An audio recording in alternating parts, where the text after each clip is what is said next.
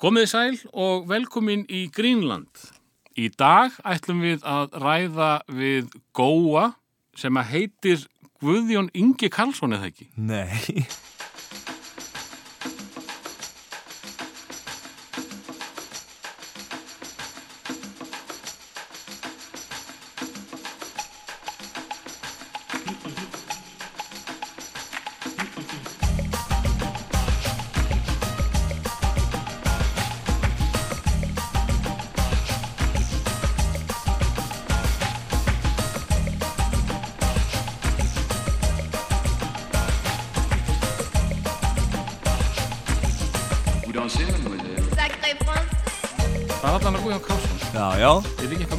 jú, Davíð Davíð Dingo. Já, já Þetta er allt í lagi, sko Þetta er, þetta er hérna Þetta er bara, þú veist Davíð, ég vissi þetta alveg. Já, þú veist, þú veist bara, þú veist, þú veist aðeins að taka mig niður er, Þetta er svona, þetta er taktík Þetta er taktík og, og svo byggið upp og, og hérna, þú, þú fer hérna út, þú flýgur út. Sko. Já, já, það eru sumir gaggrinendur með þessi á þessari eh, þess, í þessari stopnun, rúf Já.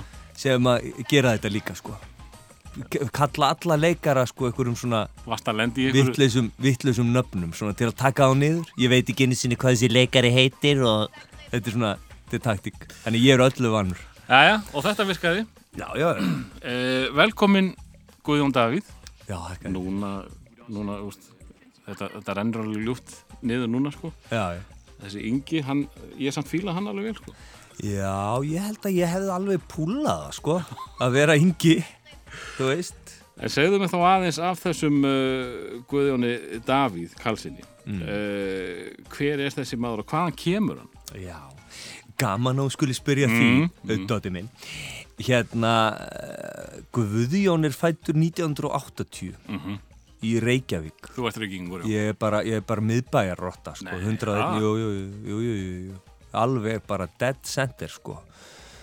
Uh, Fóreldrar mín er búið leifskötu þegar ég er ég fæðist, uh, við tökum svo pínur stopp hjá Guðjóni afa mínum á Bragagötunni meðan þau eru að byggja á Þórskötu Mm. og þanga flytt ég tveggja ára gamall. Og uh, býð þar gengi í, í hérna Östubæðaskóla Grænuborg þar á undan. Mm. Östubæðaskóla og uh, og svo flytjum við svo verður pappi biskup þegar ég er 17 ára og þá er þá flytjum við fjölskyldan í embættisbústað biskups Hvað er hann? Bergstaðstræti Já, þú nærði ekki einu svona að fara út fyrir Nei. miðbæinn þar. Nei, alltaf bara í miðbænum Og hvað, hérna, þú fæðist, sko, í, í hvaða presta kalli er, er pappi þá? Hallgríms Hann, jú, Hann hann, er er, alltaf aðan kallin bara. Já, það er bara var alltaf þar sko og hérna og mamma vann í búnaðabankanum og, uh, og ég átti bara voðalega ljúfa og góða æsku tvær eldri systur og uh, allt svona bara frekar ljúft og gott Mm, mm um, elskaði Grænuborg leikskólan minn þar þótti mér virkilega gaman og gott að vera Er það leikskólan sem er alveg við Hallingsvík? Já. Já, já.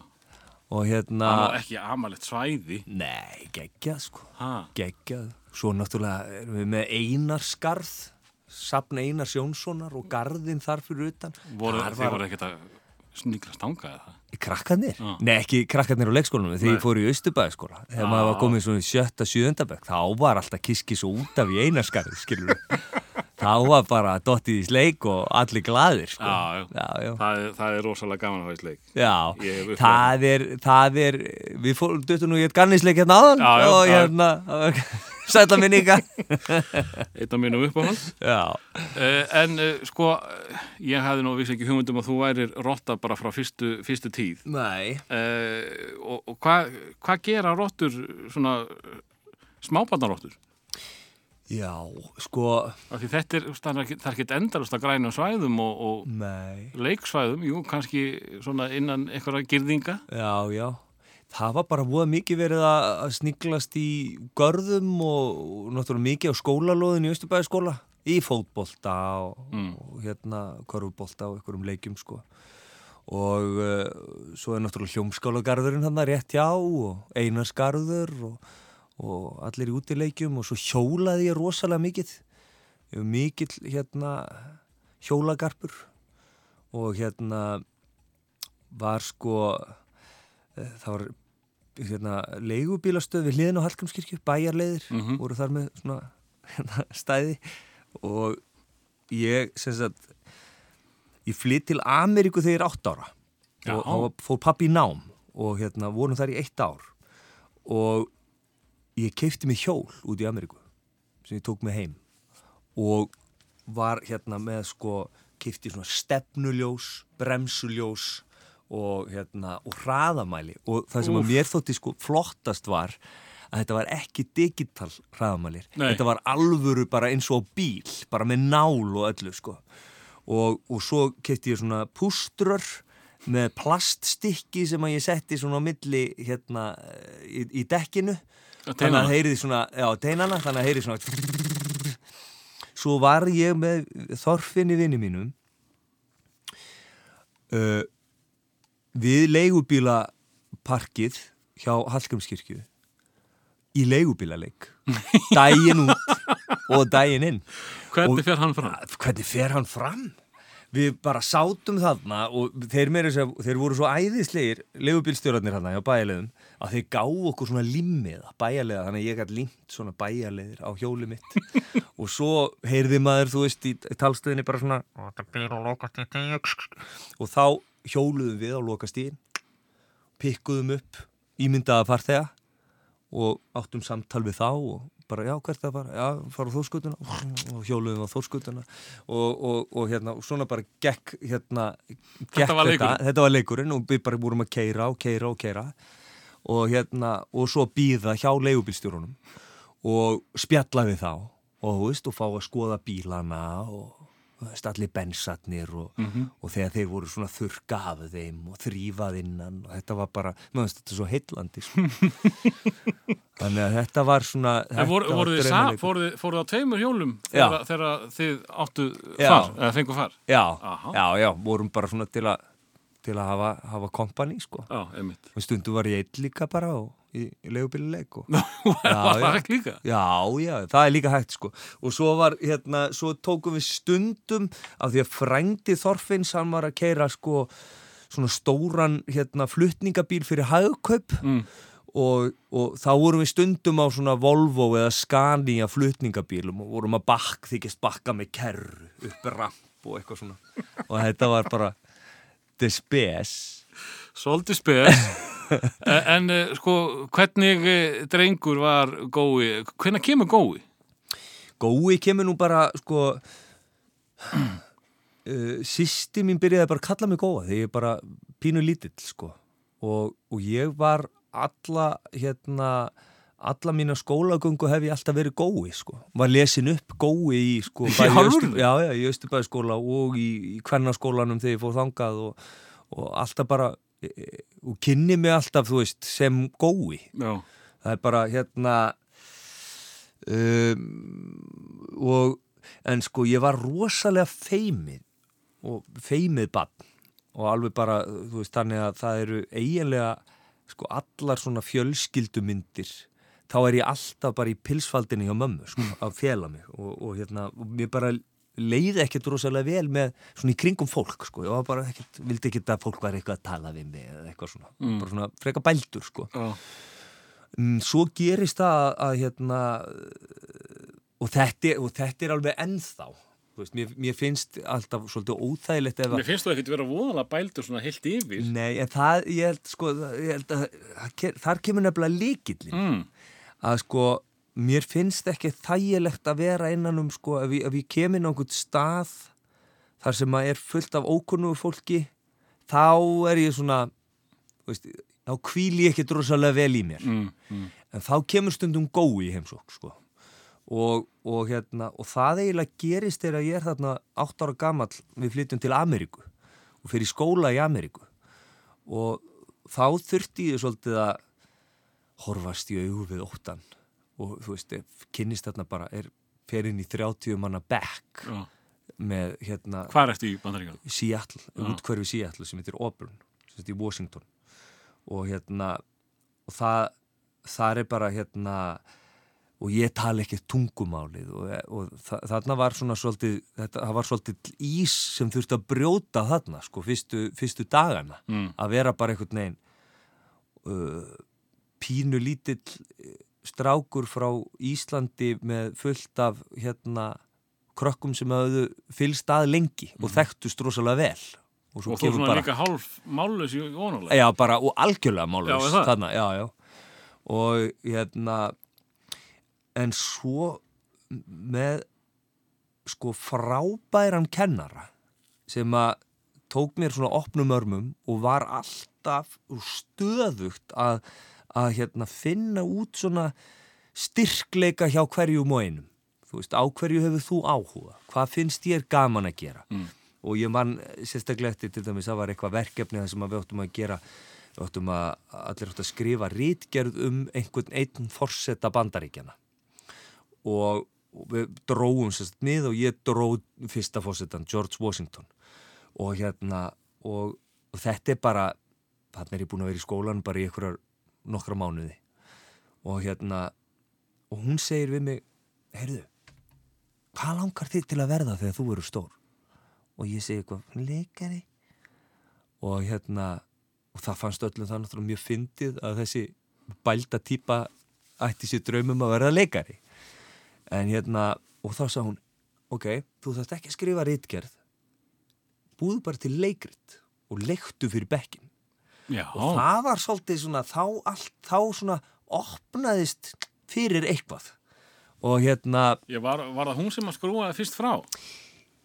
Svona einhverju sko, liti? já, ég- sko, fimm ára gammal ákveði að vera leikari Af hverju? uh, af því að mér fannst það bara eitthvað sjúklega heillandi og, og svo sá ég Var það líka tokkunni eða eitthvað? Nei, það var aðalega mér fannst, sko, mér fannst bara hérna mér fannst uh, leikúsið rosalega heillandi Já, það var leikhúsi, það var ekki Já. bíómyndi, það var Nei, leikhúsi. það var Já, maður. og hérna, og svo var það líka mjög praktist sko að mér langaði líka að vera lögga mér langaði líka að vera eh, læknir Mm. og eitthvað svona og slökkulismæður og ég hugsaði "Mm, getur leikar og getur verið þetta allt saman Mm og hérna og uh, þannig að það var svona það var, partur á ákvörðunni en hún svona, hún kannski það sem hún opnar kannski sérstaklega fyrir þessi kennari út í Ameríku er að, að hérna, hún opnar fyrir það að, að það er hægt að sko maður getur tjáð sig á sko mismunandi hátt sko. Og hérna og maður getur farið kannski er auðveldar að standa fyrir framann hóp af fólki sem þú þekkir ekki drosalega mikið og verið í hlutverki einhvers annars. Aha, aha. Þar kom eiginlega svolítið líkillin sko. Mm. og hérna og það er, ég meina þú veist mér finnst ennþá erfitt í dag, eða, hérna, mér finnst alltaf auðveldar og auðveldara en mér finnst óþægilegt svona ef ég er ég sjálfur voða mikið, Mm. þú veist fyrir framann annar fólk mér finnst óþægilegt til dæmis ef ég er að syngja í brúðkaupi. Eitthvað svona vera einlægur fyrir framann aðra. Ertu, ertu að gera það? Já, já, já hef, hef alveg gert það. Og hérna, eða, eða vera veislustjóri. Uh, mér fannst það mjög erfitt svona þegar ég var að byrja. Þanga til ég áttaði mig á því að þú ert bara gói Mm. þú veist, þú leikur bara góa þú þætti ekki að vera Guðjón Davík Karlsson veislustjóri ert bara gói sem er bara hress Geti líka að prófa að vera Guðjón Ingi? er, geti verið Guðjón Ingi, það er enda, kannski ger ég það núna eftir þetta vittal En ég, ég, sko, ég er alveg að tengja við þetta sko að, að eh, geta flúið í einhvern annan. Já. og, og, og, og þetta er svo stórt skref. Það er eitt að vera gói sprellikall. Já, en hinn einlagi gói, það er allt, allt annar maður já, þar þarfst þú bara að opna hjarta þetta og henda því framann í fólk Já, og þú, þú veist, það er hérna, ég meina, mér finnst, mér finnst fátt skemmtilegra en að, vera bara, þú veist, einn með fjölskyldunni og, Mm. og vera bara hérna að leika mér eitthvað með krakkonum og, og gera eitthvað kósi og, og ég er ekkit alltaf í það, þá þarf ekki að vera einhverju hlutverki, sko. Mér finnst líka rosalega gaman eins og í leikhúsinu að vera einlægur í einhverju hlutverki, skiluru. En þá ertu John Malkovich A- eða akkúrat. Silvio Ditsits. Já, já. Það, og hérna, það er einhvern veginn svona, það er, það er þetta sko að, að það er svo auðvelt að skýla sér á bakvið eitthvað. Mm. Það er svolítið skrítið sko. En mér finnst ég vera samt sko, svona, þegar, eh, eftir því sem að árin líða og maður svona, ég veit ekki hva, hvort að maður er að kalla minnst þroski eitthvað svo leðilegt orð af því að eh, með því að þroskast þá verður maður yfirleitt leiðinlegur skilur þú veist það er svona þú veist krakkar eru miklu skemmtilegri heldur en þroskað fullorðið fólk af því að þau bara segja hlutin eins og þau eru og er ekki að rítskoða sig skilur slengja bara hlutunum fram. En hérna en ég er svona, ég er alltaf að verða samt svona betur og betri í því að vera bara En en ertu samt ekki að verða leðilegur og leðilegur? Jú, örgl, Er það ekki þannig? jú, Ég held að maður komst bara ekki hjá því. nei maður reynir að halda í vitlisingin og þú veist, ég er alveg þá vittlus en ég er bara svona leiðilega vittlus. Já, einmitt, Það er ekki að gaman, sko. akkurat En, en uh, mér langar að spyrja, hvernig gekk síðan uh, þessi fyrsta leiksýning eftir Guðjón Davíð? uh, Hún gekk náttúrulega bara stórkostlega Þú varst ekki, bara... Jú, ég var auðvitað, stressaður já, varstu hrættur. Já, en, en maður, sko, Mástu hvað þú gerðir? Hver, hver sýningi var? Hérna, meina, ert ekki að meina leiksýningunum George Washington? Jú, jú. jú, jú. Nei, ég, ba, ég var bara í einhverjum, fekk einhverjum svona gammosýur og háa, setti einhverjum svona háa fótboltasokka og var í einhverjum svona skirtu og, og, og leik svo eitthvað hérna þegar hann er að skrifa eitthvað undir einhverja stjórnarskráið eitthvað, ég man voða lítið eftir þessu en, en hérna, en ég var auðvitað pínu stressaður sko, en, en það er svolítið öðruvís að vera stressaður eða hrættur Mm. veist, stress er er rosalega góð tilfinning Já, það er bara, frekar næs. þú veist, já. og maður, maður svona, þú veist, maður, maður lærir sko af því að sko tilfinningin sem kemur á eftir þegar maður er búinn Mm. He- hefur verið stressaður, svo klára maður eitthvað verkefni Og það gekk upp. og það gekk upp, Já. þá, það, það verður eitthvað svona alsælu tilfinning sko. Og eftir þá að segja að ef maður fer inn í verkefni hrættur þá kemur ekki þessi sælu víma eftir. Nei, þá er maður sko, ég held að, held að þú ferði inn í verkefni hrættur, þá, þá hérna, upplifur frekar svona uh, tilfinningu, oh, af hverju var ég hrættur við þetta? Mm. Gekk, þá, þá ferði að pyrra þig á því að hafa verið hrættur. En ef þú ert stressaður, sko það að vera stressaður er líka bara til langar til að gera vel. Já, þú vilt vanda þig. Eh, Mér langar næst að spyrja það því þú ferðan til bandarækjana uh, sko mál og hirnalös eiginlega. Mm. Uh, manstu fyrstu orðina því ég var að muna bara um daginn sko ég, sko, ég kunni yes or no. Veistu hvað, var- þriðja orðið sem ég lærði? nei. Hold it, Hold it. hold it. Kúrugarnir sögðu það alltaf á it, hold it. Þetta, þetta fór maður í byssuleikinu. Já, Yes, no. Já, John Mjög Reynald og þetta er örugglega alveg skuldlöst hjá mér sko. Nákvæmlega. Nei, ég man ekki hvað það var. Ég, hérna, en ég var bara, þú veist, ég man bara að mamma var með mér fyrsta skóladaginn og svo fylgdu mér á að skólabílnum daginn eftir bauðst og, kennarum var búin að segja mamma, þið má bara vera með þér svona fyrstu, fyrstu dagana sko. Mm. og, og þá sagði ég bara ég, ég get alveg verið og það var svolítið stórt skref sko. Já, ég skal trúa því, en úst, að vera svona úst, alveg mállus og, og, og sko, heyrnalus í leiðin, Hva, hvernig, hvernig kemur þér inn? Þú þarfst alveg að vera með allt á fullu að, tengja við hvað fólk er að já, já, bladra hann. já. En ég var náttúrulega með bara það var bara ótrúlega náttúrulega vissu allir veist, að ég væri hérna málaus sko. Þannig að það var það voru allir að hjálpa mér sko. Já, ok, þið var vel tekið Já, alveg svakalega sko. þetta var bara, þetta var dásamlegt. Og ég, ég hérna uh, ég held að sko það sem að það sem gerist svo er að bara ég held að hafi ekkit verið nema svona tvær vikur þá var ég bara farin að spjalla skilur, og orðin bara flúent sko, Hvað varst þið lengi? eitt ár Eitt ár. Já Þannig að það var og, og geðslega skemmtilegur skemmtilegur tími sko Uh, þú talar um að sýstíðin hafi byrjað að kalla þig Góa. mm. Er einhver að vinna með Guðjón í dag? Konan, mamma eða... Nei, Guðjón er bara farin. Guðjón er daldið farin sko. uh, uh, það er svona neða, það, jú, stundum ef það er verið að kynna eitthvað í leikhúsinu sko, blaðamenn að segja frá ykkur þá, þá er Guðjón stundum að leiki ykkur Mm. ég veit ekkert hver hann er sko. En hvernig var að að alast upp með, með eh, svo á, í presthúsi? Það var bara dásanlegt bara opaslega Þetta er náttúrulega ósalega flott prestakall. já, já Er þetta ekki bara flottasta? Jú, ég held að það hljóta að vera Mm. ég menna þetta er risa stór kirkja og stór sók Varstu mikið í kirkjunni? Já, Þekkir hana út og inn? alveg út og inn sko og ég meina, hún er sko hún er víg þegar ég er sex ára sko þannig að ég man eftir þegar það var verið að byggja hana og, og þú veist og ég, ég var bara eins og rotta þarna endalaust sko Mm. Nei, ég, ég átti bara rosalega góða og, og, og dásamlega hérna æsku og æðislega foreldra og, og ég er svona sem hafa kent mér alveg útrúlega margt og, og ég ég svona hugsa um það svo þegar maður eignast börn sjálfur sko þá, þá horfi ég á, á svona tilbaka og á þau sem, sem miklar fyrirmyndir sko í, í því. Af því Eh, að það var ros, ég var eins og segir, ég meina þetta er stór stór sókt, stór kirkja.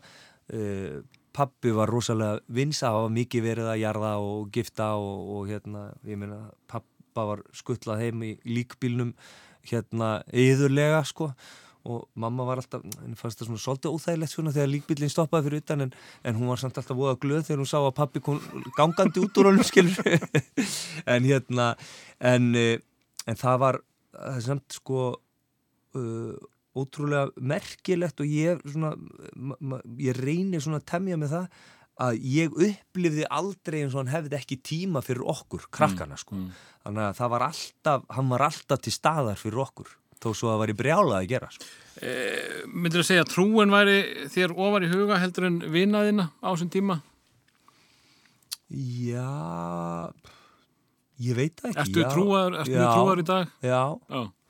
um, ég veit ekki, við vorum nú mörg sko svona í mínum bekk og vinahóp sem að heldum voða mikið til þarna þegar við erum unglingar í svona æskulistarfi í kirkjunni Mm. Uh, vorum í fermingafræðslu í Hallgrímskirkju og, og sóttum svona æskulisfundi og, og hérna og unglingastarf þannig að hérna uh, við vorum voðalega ég var í ótrúlega góðum bekk í, í Östubæðaskóla og, og átti hérna svona, við vorum rosalega samheldin hópur Mm. sem að deldi áhuga málum og, og við vorum að leika eitthvað og setja upp eitthvað leikrit og, og Hvenær byrjar á því? Fyrir utan uh, George Washington.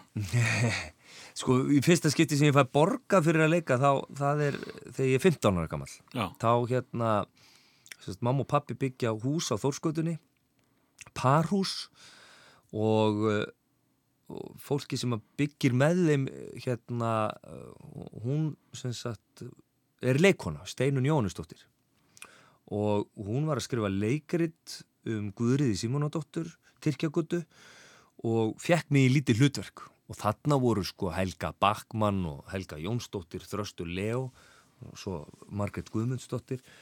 Og hérna og ég var þarna í tæknimaður og í litlu hlutverki og ferðaðist með þeim út um all land. Nú, og hérna, faraldsleikur. já, já, og meiri sér til London Það er og, og til Danmerkur og við vorum að leika þarna á svona fimm ára tímabili. Og hérna hana, það er í fyrsta skipti sem ég fæ, fæ svona greitt fyrir að vera svo var ég rosalega duglegur að, að hérna að ringja og senda bréf Hvað þá? Ég sá til dæmis að uh, Friðrik Þór var að fara að gera bíómynd sem að heitir Djöblaðjan Mm. og ég ringdi í Friðrik Þór bara fór í símaskrona og ringdi bara í Friðrik Þór og hann benti mér að tala við konu sem heitir Marja Sigurðardóttir og var aðstóðaleikstjóri og hún hérna bóðaði mig á fund og ég fór í pröfu og fekk lítið hlutverk í Djöblaðinni Já, ok. og hérna og, og eftir það auðvum við Marja rosalega góðu vinir og hún fekk mig síðar í, í borgarleikusið að leika í Pétri Pan þá er ég 17 ára. Og, og svo leik ég í, í þjóðleikúsinu þegar ég er 19 ára í bláa hnettinum þannig að þetta var alltaf það var, aldrei, það var alveg no-brainer að þetta var það sem ég ætlaði mér að gera. Það var að vinna í, í, sem leikari sko. En byrjaði þetta ekkert í skólanum? í Östubæðskóla Já. Jó, það voru svona, það voru náttúrulega jólaskemtanir og það, svo vorum við svona krakkarnir í bekknum, vorum svona stopnuðum lítið leikfélag og ætluðum alltaf að gera eitthvað. En það var voða lítið var lítið úr því nema bara við sóttum eitthvað svona æfingar sem var líka mjög gaman Þannig, þannig að sko þú með bakteríu frá fimm ára aldri eh, tekur þitt fyrsta gig með sér erlendis. Já, svo var það ekkert að neinu viti fyrir bara 15 ára. Getur við sagt það? Þá var maður haldið kannski að, að bakterían væri kannski að reyna að þér. Nei. Nei, ég var alltaf, þú veist, það voru alltaf, þú veist, hérna, það voru alltaf jólaskemtani, það voru leiksýningar um jólinn og ég var alltaf að leika þar og svo voru einhverju svona, einhver ársáttíða leikrit, mm. skiluru. Já, það var ég, alveg- Já, já, það var eitthvað svoleiðis, sko. En hvernig varstu í skólanum? Varstu, varstu bældur þangur til að fórst út og komst sterkara tilbaka eða Já, ég hugsa það nú, Mm. sko. Ég, ég var svona frekar bældur en ég, ég held að ég opnaðist rosalega við það að fara líka breytum umhverfi og, og þurfa að, að hérna, takast á við eitthvað sem að var pínu óþægilegt svona í, í fyrstu og sigrast á því, sko. já, já. Og, og hérna, og þannig að ég held að það hafi verið hérna rosalega rosalega gott, svo er ég bara í, í frábærum bekk og, og hérna ég var svona alltaf meira og meiri ykkur, ykkur trúður.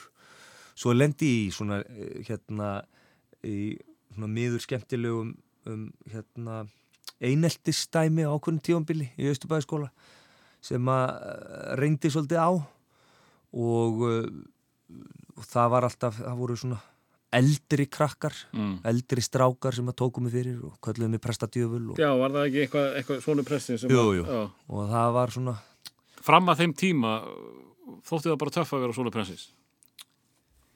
það var bara búið að lítið verið að Pæli. ræða það allavega við mig sko ég veit ekki hvort það hafi verið töff Mm. þú veist, en ég held svona fólk hafi krakkarnir hafi kannski ekkert verið svona mikið að pæla í því sko Mm. þannig séð eh, Við hérna ætlum að færa okkar aðeins yfir í unglingsgóa. Já, og uh, ég glinda að vísa að vara það við en ég fá, fæ þetta það bara beint fest af kunni uh, Áttu þér eitthvað svona lag sem að minni þig á barnaskuna? Lagið að skóa sín. Það er spurning sko. Ég hérna ég á svona nokkur uh, það eru svona minningar Var, var mikið tónlist á heimilinu? já, já, já uh, og ég á náttúrulega tvær eldri systur sko Hva, hvað, varst að, hvað var mest í, gangi? Sko, ég, ég, það, er, það er eitt lag sem situr rosalega í mér Mm. og ég gerði grína sýstu minni rosa mikið fyrir þetta lag því mér finnst það svo hallarslegt sko. og það er hérna og það, það lag minni mér rosalega á Ameríku uh, af því að hún satt alltaf, ég satt í miðjunni í bílnum og við ferðumst og við kerðum frá Seattle og niður til San Francisco. Og þá hérna sitt ég í, í miðjunni með eitthvað svona tölvuspil og hún með vasadiskó og ég heyrði alltaf óminna af læginu og mér finnst þetta svo ógeðslega mikið væl.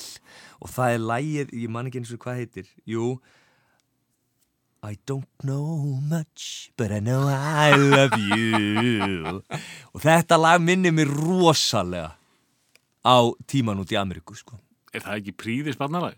það er geggja ballalag Látum það rúla. Er þetta ekki eh, Aron Neville og Jú, jú. Og Linda það var aðalega sko lokin á læginu Nei, Já, og það múti ekki kotta sko Ég lofa kött ekki.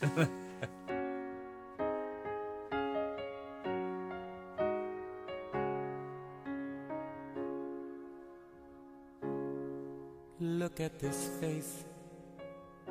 I know the years are showing. Look at this life. I still don't know where it's going. I don't know much, but I know I love you. And that may be all I need to know. With these eyes. They've never seen what matters. Look at these dreams, so big and so better.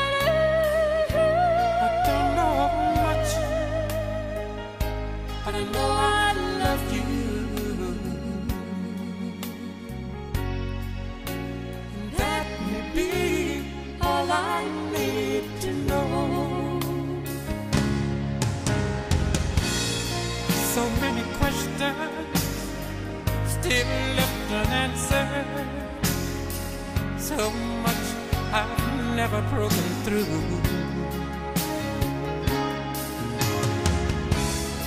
And when I feel you near me, sometimes I see so clearly the only truth I've ever known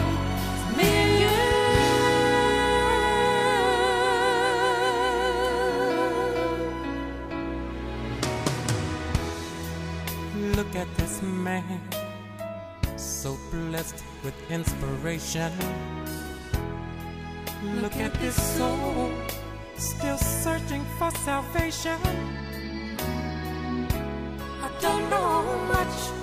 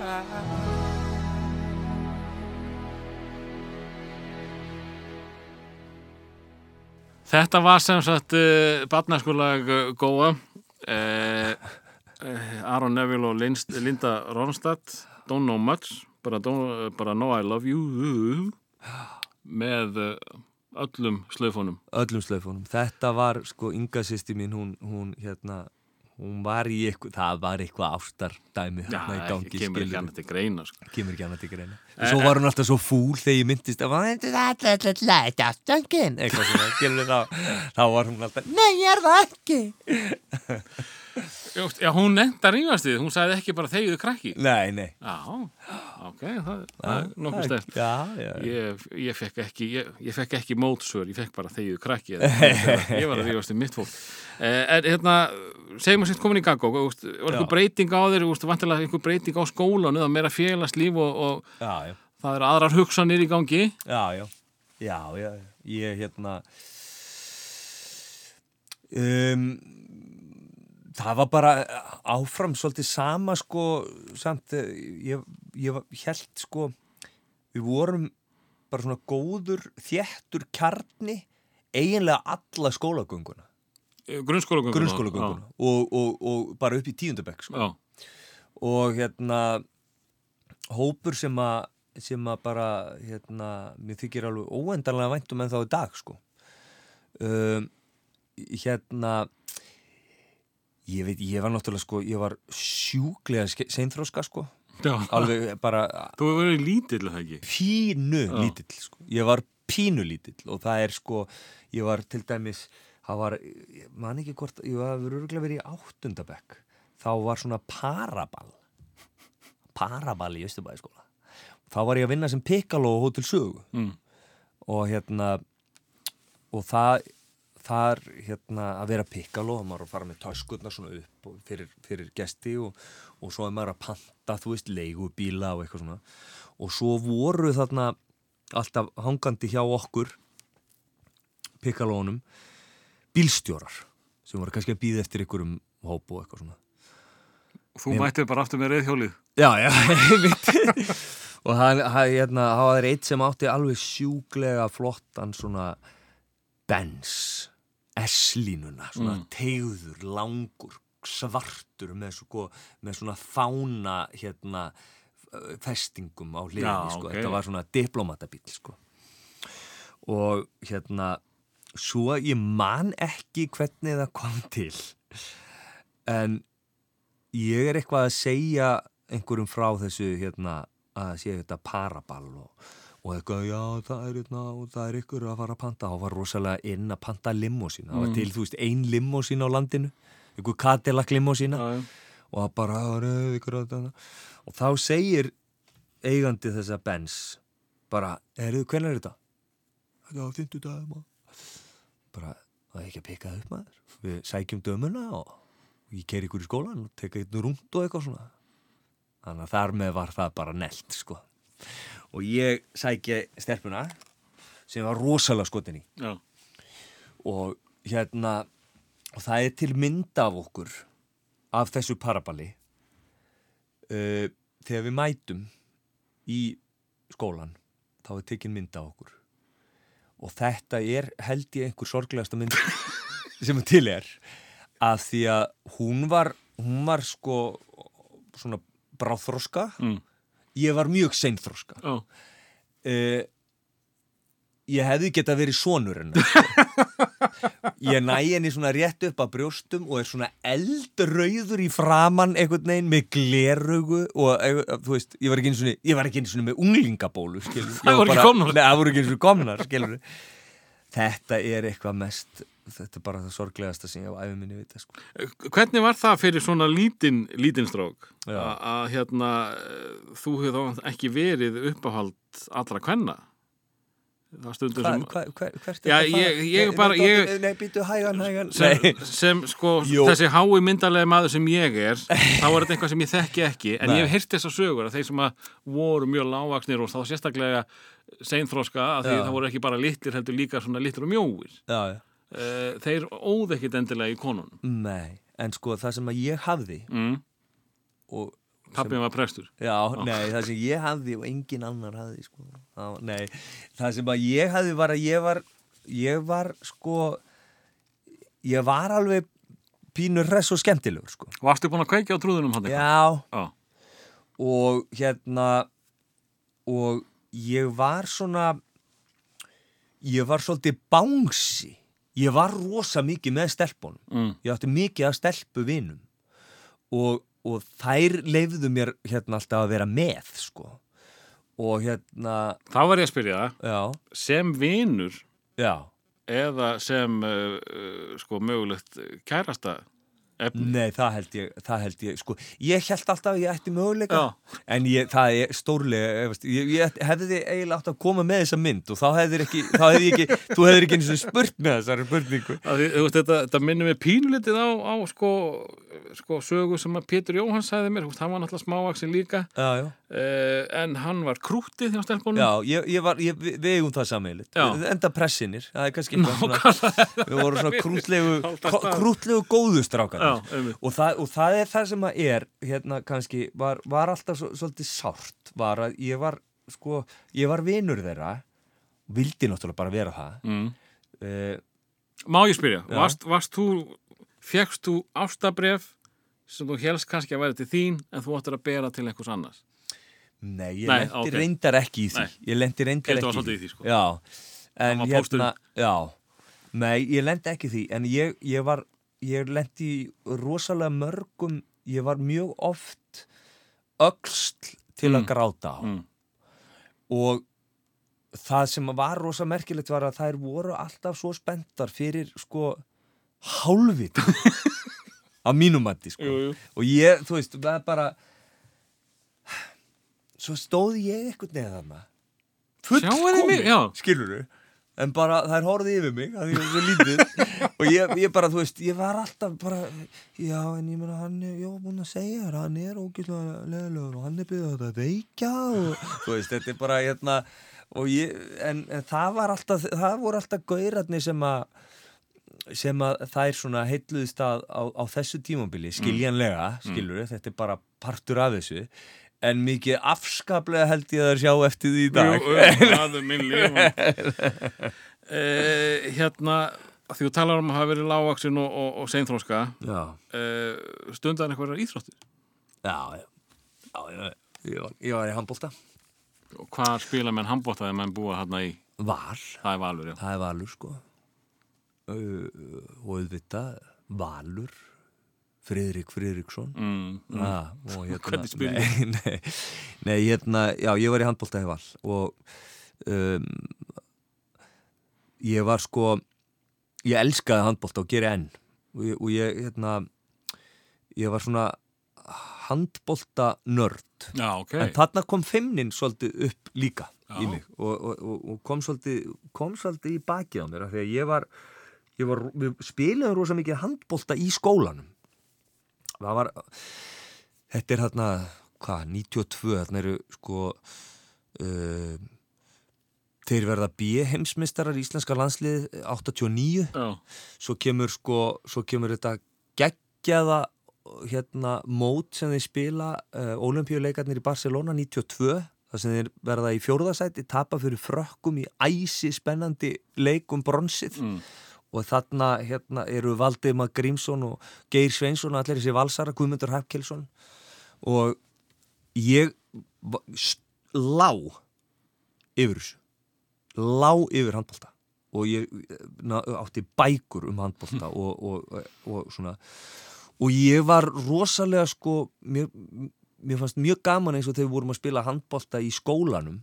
Þá alveg tók ég svona veist, gerði eitthvað triks og eitthvað svona. Sem ég var búin að vera að æfa og æfa og æfa og æfa og æfa og brjóta, þú veist, 14 blómavasa heima því að ég dundraði sokkonum, ég, ég var alltaf með sokka var að dundraði í svalahurðina og hérna og var alltaf að æfa mig að, þú veist, að stökkvinn úr hotninu og allt þetta. En svo þegar ég mætti á æfingar hjá Val þá eru þarna þá eru þarna bara strákar ég byrja, ég byrja þarna 92 í kringum olimpíuleikana þá byrja ég að æfa. Tilbúin að vera bestur. Tilbúin að vera bestur. Já, en mæti þarna strákur sem eru búin að vera bara þarna frá því að þeir voru sko pínulill einmitt. Og þú veist, Snorri Stitt Guðjónsson. Ok, þú veist, Bjarki Sigursson uh, hérna Markus Máni veist, endalaus nöfn. Geggjaðir handboltamenn. Og þá dó alltaf eitthvað í mér. Og ég, ég hafði ekki ég hafði ekki einhvern veginn kjark og þór til þess að fara eitthvað að reyna að leika einhverja listir en það hafði ég ekki, átti ég ekki róð í þá sko, já, ekki, ekki sjens skilur og náttúrulega pínulítill og, og vaskilslegur skilur mm. uh, svo voru þarna það voru alltaf sko Gaupi, íþróttaverðarmaður, pappi Snorrasteins uh, Þorbjörn Jensson sonur hans var í liðinu líka Já, já. sem var sko þjálfaði í meistaraflokk og þjálfaði síðan landsliðið. Það voru svona kanónur í handboltanum sem að voru ofta að horfa á æfingar horfa á okkur æfa. Og svo vorum við að spila á einhverju, mótu, örgli Íslandsmeistaramóti eða eitthvað. Og ég á bekknum bara var ógeðslega góður á bekknum. Og hérna uh, ég hef oft svaraði sko þegar ég spyr "Já, hvaða stöðu spilaru í handbóltana ég var á bekknum. En hérna en svo er ég settur inn á við hotnið og mamma er að horfa. Mm. og hún alveg bara öskrar þú veist þegar ég er sendur inn á völlin maður. Svo kemur fyrsta sóknin. Ég held við séum að spila á móti, ég man ekki viking eða eitthvað svo og þeir voru allir svona 14 höfðum hærri en ég. Já, og svo stend ég á móti einhverjum sko risa sem er í hotninu á móti mér og er í sókn og ég veð í hann. Og ég tek utan um hann. Og, bara, og ég finn, heyrðu, ég er bara að fara að stoppa hann. Djófisins, nagli er ég maður. Nema hann bara snýr sér við bara á punktinum. Og ég eitthvað neginn svona fer bara með honum, hangi aftan í honum og er rekin út af. Aha. Og þá öskraði mamma svona Það var lægið góði Láttu að finna fyrir því Það var lægið ég hef aldrei skan, og ég sá einhvern veginn, ég leit svona upp í stúku og sé að allir þessir hérna, já. pappar og mestarar þarna líta svona á þessa konu og bara, æ, þau veit ekki neitt Og hafði það þessi, þau áhrif að þú ákvast að skella boltanum á hilluna eða? Já, Já. já þú sást ekki ég- fram á mikinn frama í, í þessu sporti. Nei, en ég, ég, sko, þegar ég byrjaði þá, þá sá ég alveg fram á miða við, miða við svona alla svona forvinnuna sem ég var búin að fara í gegnum Mm, horfa á leiðin að gullinu nákvæmlega. uh, og, og einhverja svona bækur hvernig átt þú að verða góður handbóltamaður og eitthvað svona þá hérna, þá taldi ég mig hafa mikið möguleik á því að verða bara Þú varst með af þeim ákveðið bestu. fórskot. Já, Já. En, en svo það var þakkað fljótlega niður svo, svo kom þarna frábær þjálfari sem að hérna byrjaði að þjálfa okkur þegar að ég var komin upp í fjórða fjórðaflokk eitthvað svo leys og uh, nema hann sko hann setti rosalega kröfur og það voru bara þú veist sjöæfingar í viku og æft tvísasinnum hérna á dag tvísar í viku og eitthvað svona. Og við áttum að fara að lifta og eitthvað svona, ég var ekkert að fara að lifta þú veist, það, það var bara ekki séns. Ég, ég loftaði ekki stöngin þannig að hérna þannig að þá var þetta svona ég sá svolítið uh, sæng mín að útbreyta þarna á þessu sviði. Og, og hvað hérna, og, og hvað varstu þá að gera annað? Hvað, hvað tók við? ég spilaði alltaf á píanu Já. Var að- í tónlistaskóla tónlistaskóla Sigursins og, og, og hérna æði á píanu og, og sótti leiklistan á skeið og, Já, þú varst byrjar á því. já, já. Já. Og hvað hérna, þar sem að þú varst komin í tónlistaskóla, eh, hva, hvað varst að hlusta á þarna sem, sem, sem uh, ungur ungling? Hva, sem þótti ungur unglingur hlustaði ég gríðarlega mikið á Pavarotti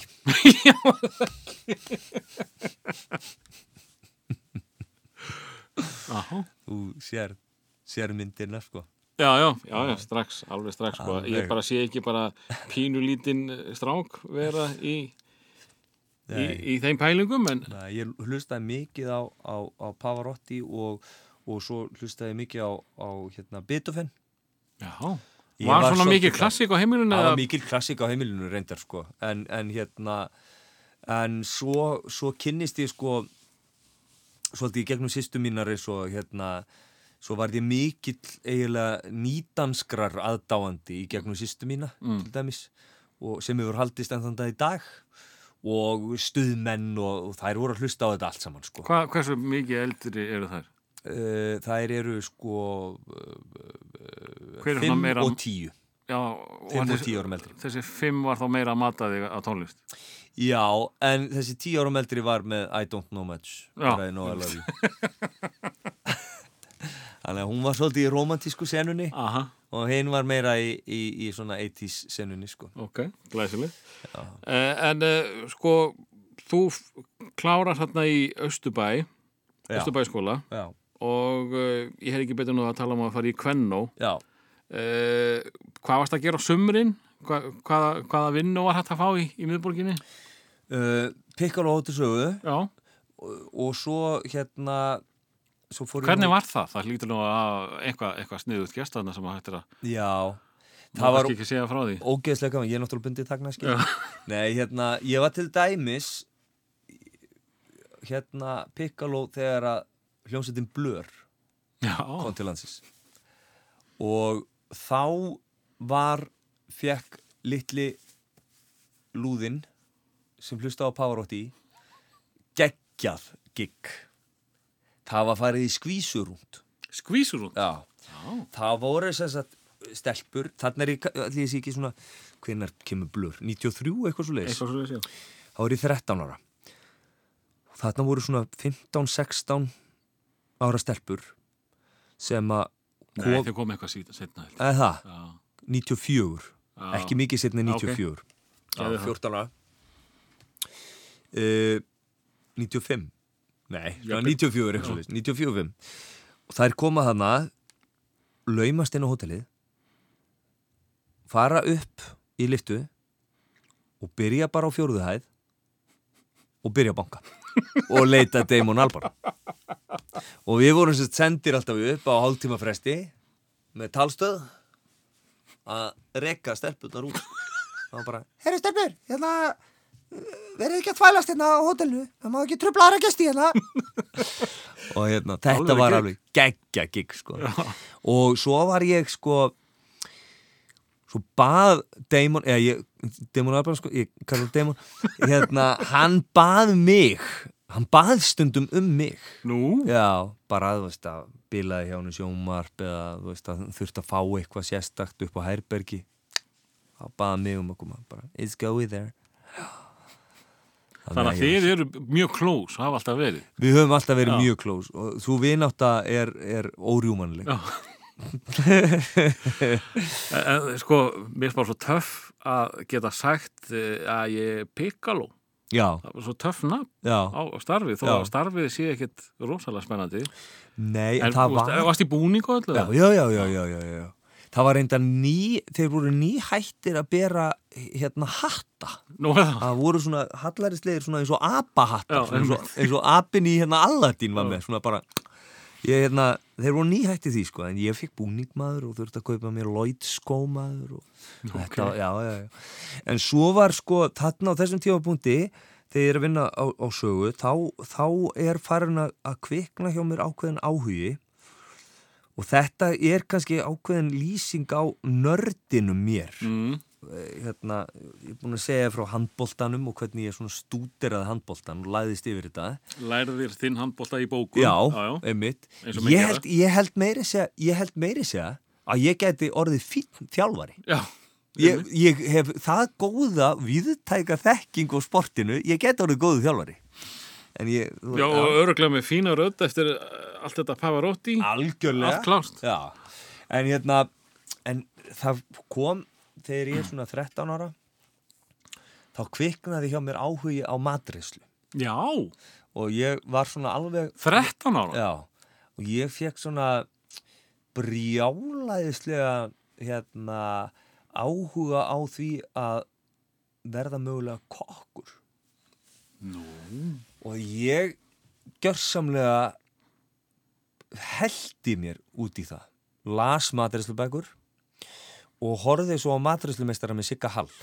Hvern einasta þátt. Og tók hann upp og horfði á hann aftur og aftur og aftur og aftur.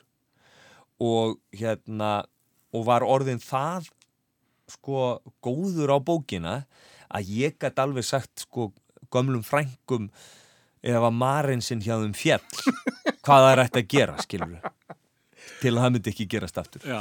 og hérna og, og þetta var alveg svona og er alveg enn blundar í mig mér finnst rosalega gaman að elda En fórst ekkert í eldhúsið 13 ára? Fjast ekki tækifæri til þess að... heima, Já. jú, jú, og eldaði oft og þú veist, bauðum og aða í mat og, og, og, Þá varst ekkert að sjóða ísu. Nei, nei, nei, Nei. nei, nei, það var allt rosalega og þú veist, og mi mikið að hérna bæði grilla eða elda alls konar kjött og, og, og leika mér með krydd og eitthvað svona já, Eitthvað bara- sem að þú bjóst í sjálfur Já, eða, já, eða elda meistara hall? Já, svona bæði og Já. og hérna og það var sko þetta var alveg svona þetta- og þetta blundar alveg ennþá um mér finnst ógeðslega gaman að elda og vera eitthvað svona stússast í eldhúsinu og svona Já, þú, þú, þú hefur gaman að elda þegar það er eitthvað. Já. Það er ekki að gaman að að steikja kjöttbúðing. Jú, veistu það, Og sjóða í þessu. jú, jú Er það? Já, ég reynir bara alltaf að gera það okkur, þú veist, gera eitthvað skemmtilegt með því, Já, sko. ok. En það er sko, svo, svo fór ég, við, ég man ekki hvort það var, þegar við vorum í áttunda eða níunda bekk, það voru svona starfstjálfun eitthvað í skólanum, Einmitt. mátti maður velja eitthvað og þá, þá var sem sagt, áður hafði það verið að þú þurftir að velja þér eitthvað fag í háskólanum eða eitthvað, en þarna var fa- farið að, að sko fókusera á yðngreinir greinar og hérna og ég fór í upp í MK í, í hérna hótel og veitingaskóla Já, já, hann var þar, já. fekk að skoða þar og svo fekk ég að fylgjast rosalega vel með í, á hótel sögu þegar ég var að vinna þar að þá var ég stundum að fara og kíkja nýr í eldhús Já. súlunarsalls eldhúsið og, og svona fylgjast með þeim og sjá það að vera preppa og, og svona meðan er rosa heillandi sko. Þú hefur ekkert, eh, svona, þið hefur ekkert langað að vera svona vikapiltur í eldhúsinu? Jú. Ég, ha- ég, Það kvartlaði alveg að mér Oftar en einu svona, oftar en tvisar sko. En, hérna, en alltaf fyrstu árinu svo umulig Já. Vasku upp og eitthvað einmitt. En uh, skellum okkur í hérna framhaldsskóla. Já, og uh, þú fyrir Kvennó. Ég fer í Gvenno sko. eitthvað sérstök ástæð fyrir því? Er það nafnið á skólanum sem hann heilaði? Þú getur þetta ímyndaði Nei, hérna það eh, Nei, í raun og veru ekki. Það er náttúrulega bara við liðin á heima. Já, og fór, fór Eh, gengið þitt þangað? Nei. Það nefnilega fór enginn þangað En svona Engin, núl uh, Úr, úr Östubæðskóla Já, Úr Bekknum. Nú, ok. Um, En hérna Þetta er eitthvað mesta gæfuspor sem ég tekið sko. Já, Þarna kynntist ég því líkum snillingum. Sko, mér langaði svolítið í, mér langaði, ég var mikið að pæli að fara í MR þá sérstaklega út af herranótt. mm. Uh, en e, Sko fyrir, ekki, fyrir ykkur leikarana er herranótt uh, málið, er það ekki að fara í Vestló og taka þátt í söngleikjum eða það, það er bara orðið, það er svolítið eftir bara hvað, hvað þú vilt, Já, sko. já. Þú veist, hvað hérna, jú, ég meina, og, og, í dag er bara, er, er held ég bara, held ég geti sagt það bara án þess að, að hérna, vera að ljúga neitt, að ég held að sé frábært leiklistastarf í öllum framhaldsskólum. Já, einmitt Þú veist, þetta er, þetta er komið á svo háan standard að það er að, mi- miklu hærri standard heldur en, heldur en var þegar ég, ég var í þessu, sko. Mhm. um, Mér langaði líka svolítið í MH, það var svolítið töf leikfélagi þar sko. En ég var ekki alveg mér langaði í þetta bekkjakerfi sko. Ég hérna mér fannst eitthvað meira sjármennandi við bekkjakerfi Já, uh, er ekki bekkjakerfi í, í, í MR. Já, MR og Kvennu það bara þar, Já. ekki sund? Jú, sund líka. Já. jú, jú. en þetta voru svona þeir skólar sem Já. að ég var svona nála já, svo var sýsti mín í Kvennu haf, hafði verið þar þannig að ég hérna, ég hugsaði svona ég fór í Kvennu En Sé ekki eftir einhver, því, sko. einhver leiklist þar? já, leikfélagi Fúria Já, og hérna og það var bara æðislegt sko, þetta var æðislegu tími. Ég bara elska elskaði hvernu og eignaðist þar alveg frábæra vini var í geggjum bekk. Og hérna við vorum svona þrýr sem að vorum algjöra samlokur uh, Guðni Már og Hjalti Halldórsson og ég og við vo- vorum að hérna stopnuðum Suðvestan 3, tókum þátt í hvert, hverju einasta, hverju einustu hæfileika keppni og, og, og keppni sem var bara haldin í skólanum og vorum með uppistand og ferðuðumst út um allt og stopnuðum jólaseina þjónustu og ég veit ekki hvað, Það hvað, hvað. Já, nei, nei, nei, það var brjálað að gera sko. það var brjálað að gera En, en nú talar þú svolítið mikið um, um uh, sko, kannski ekki aðal uh, hlutina í skólum. Það er uh, góð vinátta og, og, og uh, leik, uh, list og eitthvað svo leiðis, en bara námið sjálf. Já, bara, Erstu duglegur þar? Varstu duglegur þar? já Já. Ég hefði getað verið dugleiri kannski Mm. Eh, en hérna Var það, þá, þá allt félagslífi sem var að taka tíma frá þér eða? Já, soldið en ég var samt alltaf samviskusamur sko Mm. Ég, Upp á að hérna- kenna það? Í, ég veit það ekki, jú, örgulega sömur að það voru nú sömi sem að voru svolítið pyrraðir á mér held ég uh, held ég, ég uh, svona veit það fyrir víst ég held ég hafi ekkert verið ég, sko, svo er, svo er nefnilega svolítið gaman að, að því þegar ég, ég sko útskrifast og útskrifast úr leiklist sko, og fer ég sjálfur að kenna hérna, leiklist sem, sem svona valfag í skóla, til dæmis á Akureyri. Þá fer maður að sjá allt í einu. Horfið maður svona yfir góðana. og sér góðana og maður hugsa bara Guðminn almáttugur og ég var alveg sko og lungu tímabili hugsaði ég bara ég verð að ringja í gömlu kennarinn minn og bara byggðast afsökunar hvernig ég gat þú veist snúið út úr öllu Var það til að reyna að vera fyndin þá? Þið getur rétt Já, maður. já. það var alveg bara það var rosalegt sko það var rosalegt en allt samt í góðu þú veist, ég var ekki hérna ég var ekki eitthvað vondur sko Nei. Og ég var aldrei í einhverju hérna uh, var aldrei í einhverju veseni, ég var í góðum vinahóp, ég fór aldrei eitthvað út af sporinu. Ég var hérna uh, þú veist, við vorum vinirnir sko og við, þú veist, drukkum ekki einu svona áfengi skilur, við reyktum ekki. Við vorum bara, þú veist bara góðir krakkar. Mm. og góðir strákar sem að heldum rosalega hérna hópin og, og vorum að gera svona sprell vorum með uppistand og læti og Á- Áður Skemmtilegt. fyrir að, að því, uppistandinu, að því þú talar um að hafa ekki reykt og drukkið, hvað, var góin eitthvað á djamminu? nei, voða lítið Það var, nei, bara ekki neitt sko Hvernig, hvernig, hvernig varstu þá að- að að nálgast hitt kynið? Það var bara, ég beð bara eftir að þær kemur til mín og það gerist ekkert sko. Þú fóst í sleik, sagður já, í kiskis út af. Já, 12 ára. Ég um það Nei, nei, jú, jú, ég meina þú veist, ég fór á skólaböll og, og hérna og, og bara, þú veist eh, ekkur partí og eitthvað svona. En ég var ekkert eitthvað nýr á bæ í bæ í einhverjum hérna, einhverju svoleiðis lítið um djamþvílík- skemmtistaðarsleikina. Já, Já. það var, það, það kom setna En, en þú talar um uppistand. Já, Þið, þið eh, voruð þá þrý saman upp á sviði? já, Aha, vorum með svona hérna tríó, suðvestan þrýr uh, sömdum lög uh, og, og hérna fórum með gamanmál þarna er gói vantarlega alveg komin út. Já, já, það er e engin hræðisla lengur. nei, Nei. nei þarna var þarna var sko gríman komin Mm. þú veist þarna, þarna vissi ég nákvæmlega hva, í hvaða ham ég þyrfti að vera til að líða vel Já, ok. og þá leið mér rosalega vel Já. og að standa á sviði og, og segja lélega brandara er, er eitt af mínu uppáhald sko. sérstaklega þeir eru lélegir Þetta er á vantarlega á því tíma þegar að- uppistandi er svona að vakna eitthvað og, og finnast maður Íslands er að byrja á eitthvað sliðis. Já, Það var já. að sitna eða ekki. Það var aðeins 99 seinna, held ég. já, eða einmitt. 98.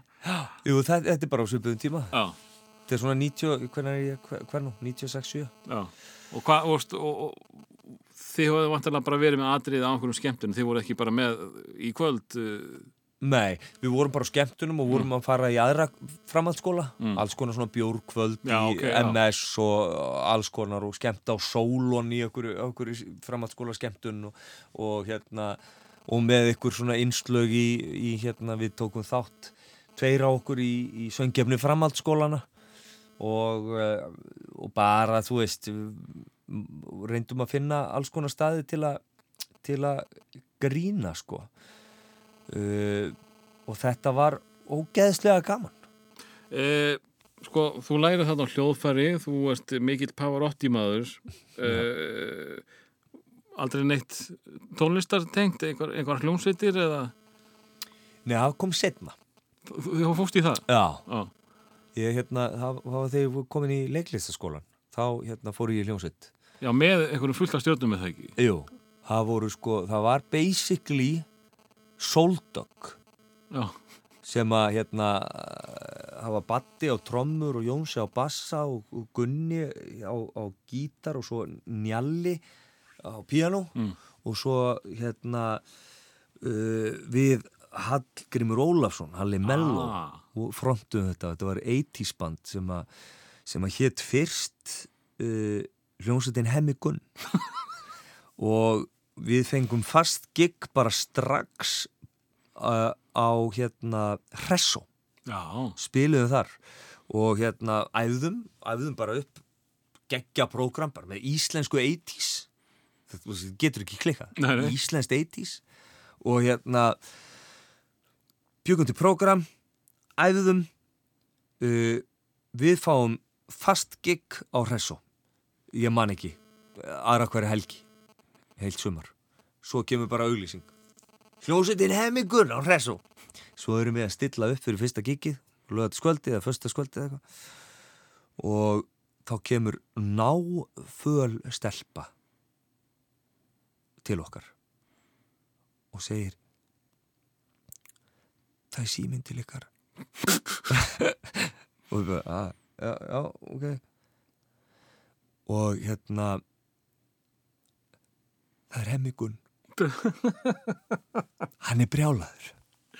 Já, og ég hérna það, ég var sendur í það símtöl og sko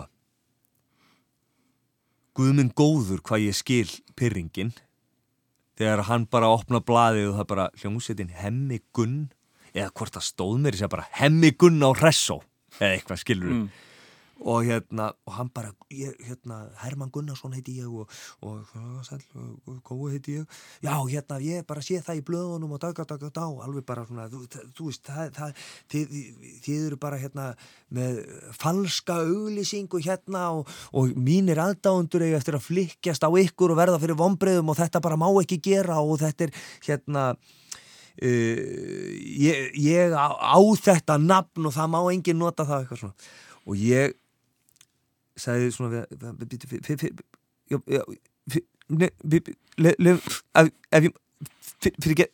fyrir ekki aðeins já, hérna mér þykir þetta afskaplega leðilegt og hérna, og ég ætla bara að útskýra aðeins að við erum með hljómsett sem að spilar 80s tónlist, íslenska og við hugsaðum bara hver er manneskjan sem að saminaði íslensku þjóðina á nýjunda áratugnum og það er þú eini maðurinn sem að kom fjölskyldum landsins saman fyrir framann sjónvarpið.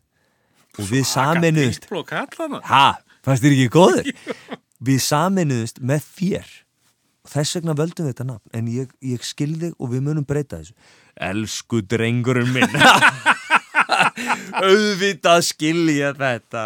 Þar með var það bara í lægi en við breytum nafninu í Hollywood. Í Hollywood, ok Ekki alveg jafn sexy ekki alveg ef sexy allt í sko. lagi. já, En, en hérna eh, að því við erum komni það langt eh, eigum við þá ekki að fá hérna svona úlingalag frá góðanum Hvað? kannski er nú til bara lag með hljómsveitin Hollywood. Er við það? gáfum út eitt lag. Þið gáðu út já, lag hérna lífið er lag. Með Það- Hollywood? með Hollywood, það Gamla mótilið það mótellagið við endur gerum það Aha. og það var á einhverju sapplötu, svona er sömarið 2004 Ég ætla ekki að útiloka að það sé til sko það er potti til, þetta var í massir í spilum á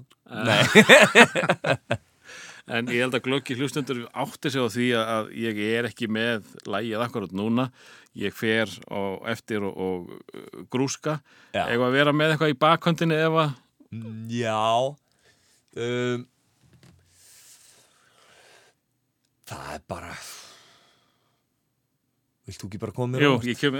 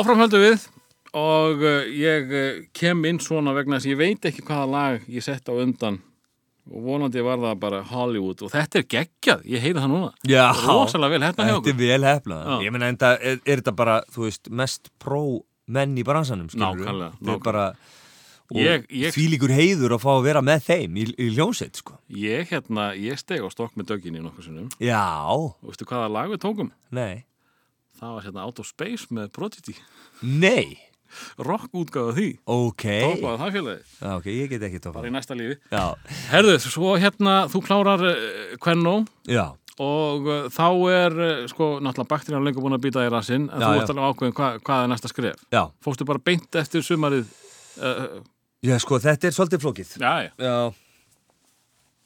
Höfum við klukkutíma? eitthvað svo leið Nei, þegar ég er í, í hérna, Kvennu, 97, 17 ára gammal, þá eh, er ég að leika í Pétri Pan í borgarleikusinu og þá er auglýsing og myndtökuprófi í leiklisskólan og ég ákveð að fara í þau próf. Um, sé ekki eftir því í dag, fyrst að ég komst ekki inn. Mm. en þetta var heimskuleg samt ja, nei, ég ætla, nei, ég ætla ekki að segja heimskulega því að ég grætti rosalega mikið á því en ég hefði ekki viljað komast inn 17 ára og hafa ekki klárað mentaskóla Já, er ekki, þarft ekki að vera stúdent til þess að þú þarft að vera búið með stúdenspróf eða sambarilega mentun eða eitthvað en það er uh, ég, ég veit ekki hvernig það er í dag Mm. þetta var svona, þetta var loðið á þessum tíma. Ok, þarna var þetta leiklistaskóli Íslands þetta var ekki orðin listaháskóli. Þannig að það var, svona, það var aðeins frjálsara. Um, ég hérna fer í þessi próf og kemst alveg upp að þröskuldinu Nú. bara í 16 manna hópin sko. og þannig að ég grætti náttúrulega á því að ég vissi bara nákvæmlega hvernig þessi próf fara fram. Og þú veist, ég grætti á því senna svo bara er ég hérna rosalega ánæður svona tveimur vikum eftir að ég fikk negið og var búin að jafna mig á bara svona sá ég það að þetta var bara heilla, heilla spór mm. svo kláraði ég hvernó uh, og þá er það þannig að það er tekið inn í leiklistadeild listaháskólans þrjú ár og svo er pása í eitt ár og það var akkurat pása þegar Ah. ég útskrifast hvernó þannig að þá réð ég mig í, í hérna tala við mann, ungan mann sem að heitir Magnús Geir Þórðarsson Mm.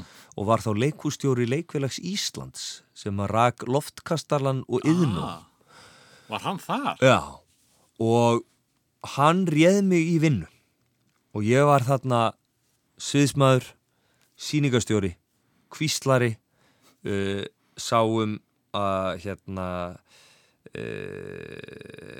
að stilla upp þegar það voru veislur í salnum, uh, setja upp leikmyndir, mála, allt sem fjall til, basically. Þarna er loftkastalinn eða ekki rosa heitur Jú. Já, og hérna og þarna kynnist ég náttúrulega bara fullt af frábær fólki uh, fæ ég að vera svona inn á æfingum við erum svolítið svona hinum megin við borði, fæ að fylgjast með horfa á frábæra leikara vinna vinnuna sína og er á handritinu að kvísla eða eitthvað og svo fæ ég þarna líka jobb við að það, þeir voru með gríðarlega vinsala síningu sem heiti Shakespeare eins og hann leggur sig. Mm.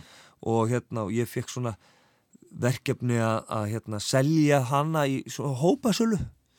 Og, og í- þannig að ég vann bara baki brotnu þarna uh, þetta ár sem að, sem að það, sem ég var að býða eftir því að komast til leiklistskólan svo fer ég í, hérna um sömarið uh, þegar að uh, hérna eftir, eftir hvernú, sömarið eftir hvernú þá kynnist ég þá fer ég í pröfu nei, þá, þá er ég beðin um að leika í leikriti sem heitir með fullir reist Mm.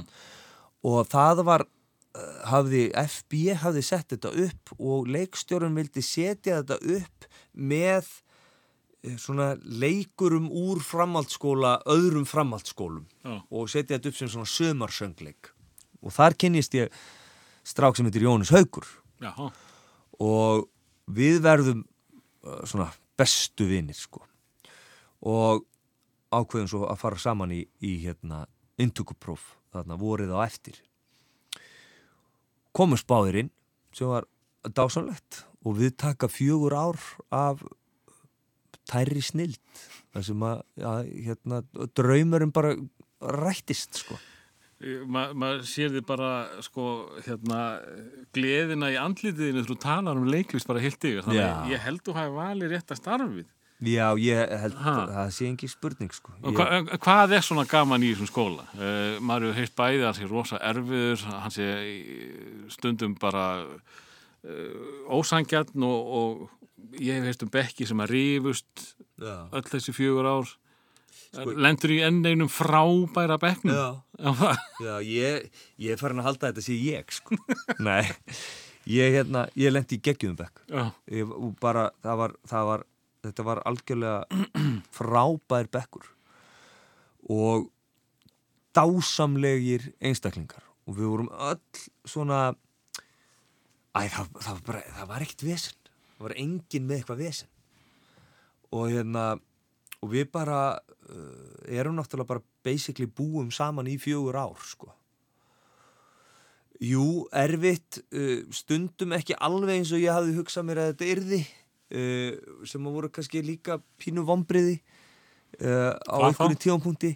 Ég var svona búin að fylgjast með þessu eins og þetta var í leiklistaskóla Íslands, þá var, þú veist, þá voru síningar á hverju einasta ári, við fengum bara, það var bara samlestur og hafa verið að setja upp ykkur svona Shakespeare og Chekhov og, og, og barnaleikrit og við vorum bara, það var æft og, og allir að smíða leikmynd og svo var bara selt inn og, og þetta var bara vinsælar síningar sko.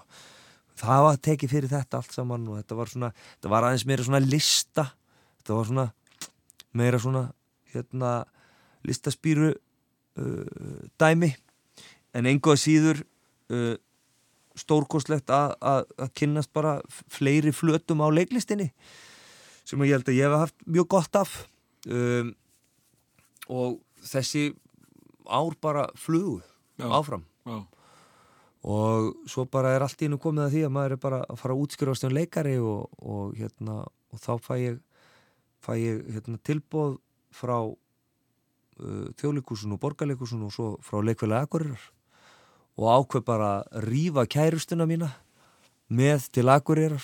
Hún fór að læra hjúkurinn og ég vann sem leikari á Akureyri. Og það var enn eitt gæðuspori sem ég tók. Í eitthvað tíma? Uh, fyrst í eitt ár og svo í annað ár og svo í þriði ár. Við vorum andanum í þrjú ár Já. á Akureyri og hérna, eða þrjá vetur. Og þar kynntist ég svona kannski mínum svona mentor í listinni, Þráni Karlssoni Mm. heitnum, blessu þessi minning hans sem að hérna var svona gríðarlega uh, uh, gefandi að fá að, að hérna vinna við hlið hans Eh, Sko, nú ertu kannski þekktari sem sprellikall heldur en dramakall. Já, en það sem þú ert búin að nefna núna, uh, Tjekkov og vinir hans, ég, Já, já. Þetta, er, þetta er eitthvað sem ég þekki ekki. nei, nei Varstu mikið að drama þá þegar þú klára skólan? Já, alltaf svona annars lagi sko. ég, ég, ég fekk bara ég var bara rosalega uh, heppin að ráða mig norður í þrjú verkefni og það var eitt farsi Þú Eh, hata þá ekki? nei, Nei. mér finnst mér finnst reyndar skemmtilegra leikið en að horfa á þá Já. uh, hérna svo var hádramatist rústnest nútíma leikrit alveg bara sko rífðu mér hjarta, það var svo dramatist geðveikt leikrit sko. Mm. og svo litla hryllingsbúðin, söngleikur. Ég fekk bara, ég fekk bara allan katalógin af leiklistastílum þetta fyrsta ár. En, en hvað hérna, sko, þú, sko, þú læri leiklist og þá vantarlega þarft að kunna þetta allt, en, en er ekki þetta sérhæfa sig í einhverju dóti hér heima? Þú, þú þarft að fara, geta farið allar áttir til að geta lifað það og segja hvað. Já, ég, sko, því, hérna, ef ég væri einhver farsaleikari, þá var ég til að bara vera í einhverju gríni, en næsta verkefni, já, það er bara hádramatíst, ríðum mér hjartað, rústnest sitt Já, sem að, þú veist, sko, það er svolítið annað. Það er allt annað en enga síður sko þá held ég að, hérna, til þess að gera til þess að gera gamanleiki áhugaverða þá verður að vera drama. Þetta þarf að vera alvöru fólk og ég meina í farsa þá ertu, þá ertu með kannski mesta drama í leikbókmöntunum maður vaknar að morgni brúðköpsdagsins inn á hótelherbergi nakin og við hlið hans er nakin kona sem hann þekkir ekki Er eitthvað dramatískara en þetta? Nei. Nei, Dotti. Ég sé marga góða möguleiki í þessu, hún er Já. á lífi þessi kona Hún er á lífi, Já, þá, sem er gott. þá er þetta ekki dramatísk Jú, þetta er náttúrulega dramatíst og brúðurinn er í næsta, næsta herbergi, skilur. Þetta er drama. Og til þess að þetta verði fyndið, þá þarf þetta að vera alvöru drama. Mm. Þannig ég held að í öllum góðum gamanleikjum þarf að vera eitthvað svona, það þarf að, það þarf að le leika það pín, þetta þarf að vera satt. Þetta þarf að vera alvöru fólk. Mm. Af því að ef að þetta er alvöru fólk, þá situr þú út í sal og bara, hvað minn almátur, ef ég myndi lendi þessu, hvað myndi ég gera? Og þá verður þetta hilarious Mm. og í dramatíkinni þá þarfstu líka að finna einhverja fleti sem geta kýtla hlátutöðarnar til að opna fyrir hjartastöðina þannig að fólk byrja að gráta Aha þannig að allt, allt hjálpast að. Gæsáð já, nú, nú ertu búin að opna sko, nú getur við skellt á mig einhverju gríni eða dramatík og ég bara Einmitt. græti að hlæ sko, það, það er allt tilbúið. Eh, en eh, sko þú ert búin að vera, sko þú fer strax í svona mikla vinnu í leikursunu eh, er ekkert svona ekkert snið sem gerist fyrir unga leikara eh, eitthvað svona sem að kannski komður óvart Þarna erstu náttúrulega bara að lifa drauminn. Ég, Já. ég er hún aðdunumæður í, í fæinu Já. Jú, ég meina, þú veist, hérna,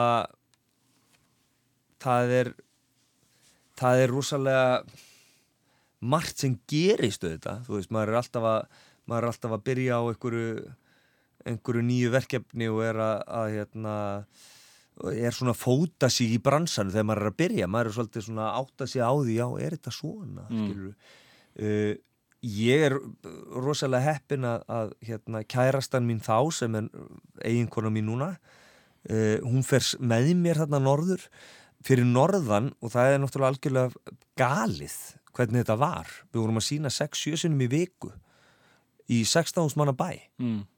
þetta var, bri, var brjálað.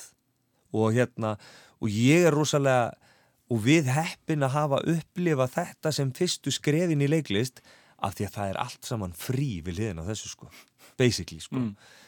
uh, við kynnust í rauninu bara leikhúsinu eins og það er bara er út í hennum stóra heimi sko. Það er bara endalösa sýningar, það er hvert einasta kvöldnum á mánundaskvöld sko. Og bjóstu kannski við að þetta væri framtíðin?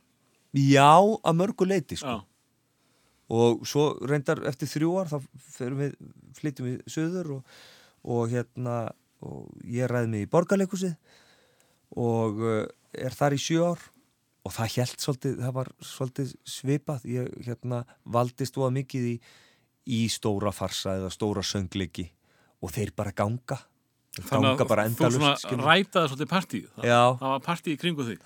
Og þannig sko. geggjaði bekkir, ekki gleyma því. Nei, geggjaði bekkir hvað svona, hva, hvað hefur verið skemmtilegast að taka þátt í? Að, að sko þú náttúrulega te- tekið þátt í ansi mörgum sýningum. Já Það sem að mér finnst eiginlega skemmtilegast er bara þegar maður er að gera eitthvað uh, þegar maður fær að gera mismunandi hluti. Mm.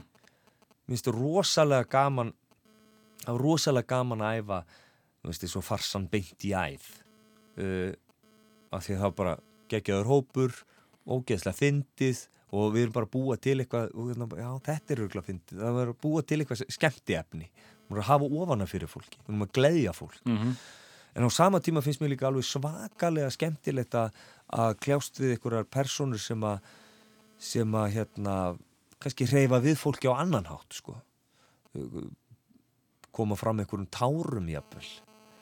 Og það er þú svo... elskar að láta fólk renja Já, ok. mér finnst það rosalega gaman. Mér finnst það rosalega gaman. Mér finnst, mér finnst, ég elska bara vinnuna mína, sko. en, en sko, svo hérna upp á síðkastið hafa sko dottið svona risasýningar Já. Mary Poppins og þetta Já, dót sko, eh, þú tókst þátt í henni Já, já. og varst hlaupað upp um alla veggi þarna. Það hefur vantarlega verið eitthvað að það var ógeðslega gaman Já. ógeðslega gaman og bara gaman að taka þátt í svona, þetta er svona fyrsti kannski í, fyrsti söngleikurinn sem er settur upp hér á landi á mm, sem að er á pari við það sem gerist erlendis. Já, það er bara, það er öllu tiltjaldað og þú veist fáum þarna uh, danshöfund frá London sem heitir Lee Proud sem er bara, þú veist, sem einhvern veginn færir þetta upp á alnan level, sko. Og það var bara úgeðslega gaman. Bara geggjað. Já.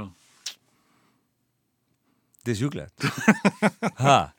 Nei En- ég bara svo, en svo á sama tíma, svo finnst mér ógeðslega gaman líka ef maður er búin að vera inn í leikhúsinu að fá að gera eitthvað eins og þú veist að leika eitthvað ógeðslegan hrotta í, í hérna, loð mér að falla eða, Það, var, það var erfitt að horfa á þar. Eða eitthvað Það- viðbjöði sko, ófæri skilur Já, þú ert að, hérna, þú ert að að leita eftir viðbröðum mm. hlátri, grátri eða einhverju. Ég fekk ógeðaðir já, þakka þér. Þar, fyrstu mig svona aðeins til þess að, að hata góða sinn. Já, og það heldur, já. Ég hef ekki þólaði síðan. Nei, þess vegna er ég hér. Eh, svo er það náttúrulega ringeikjan já, við verðum aðeins að, að, að staldra þar við. Já, því það var ekkit í spilan sem sagði gói þarf að fara í sjónvarpi og stjórna uh, skemmti þætti nei. Hvernig kemur þetta til? Þetta kemur bara til að ég er bara út að labba uh, og í svona ágúst og með svon minn sem þá var lítill hvenar er ringekjan? Ég, 2011? ég er svona stutt síðan. Það skiptir ekki alveg mann nei Fæ símdal Sælublessaður Mér var falið að, að hérna setja saman uh, skemmtið þátt sem á að taka við á spaukstofunni já, þú tekur upp við af henni. Já, já, býtu hægur. Og hérna uh, og mér langar að þú hóstir þennan þátt. Já, bara, já, ok. Um, Sko Þetta er ég leiði mér að- ég ætla bara að leiða mér að segja þetta er e- e- eitt af gæfuspórum í mínu Jæja. lífi. Já. Ég hérna ég bara það, það var búið að ganga ógeðslega vel. Uh, ég var í vinsælum sýningum. Uh, mér leiði vel. Ég var örugur í mínu. Feimni góðu var alltaf komin uh, svona Neðar og neðar. neðar, og neðar.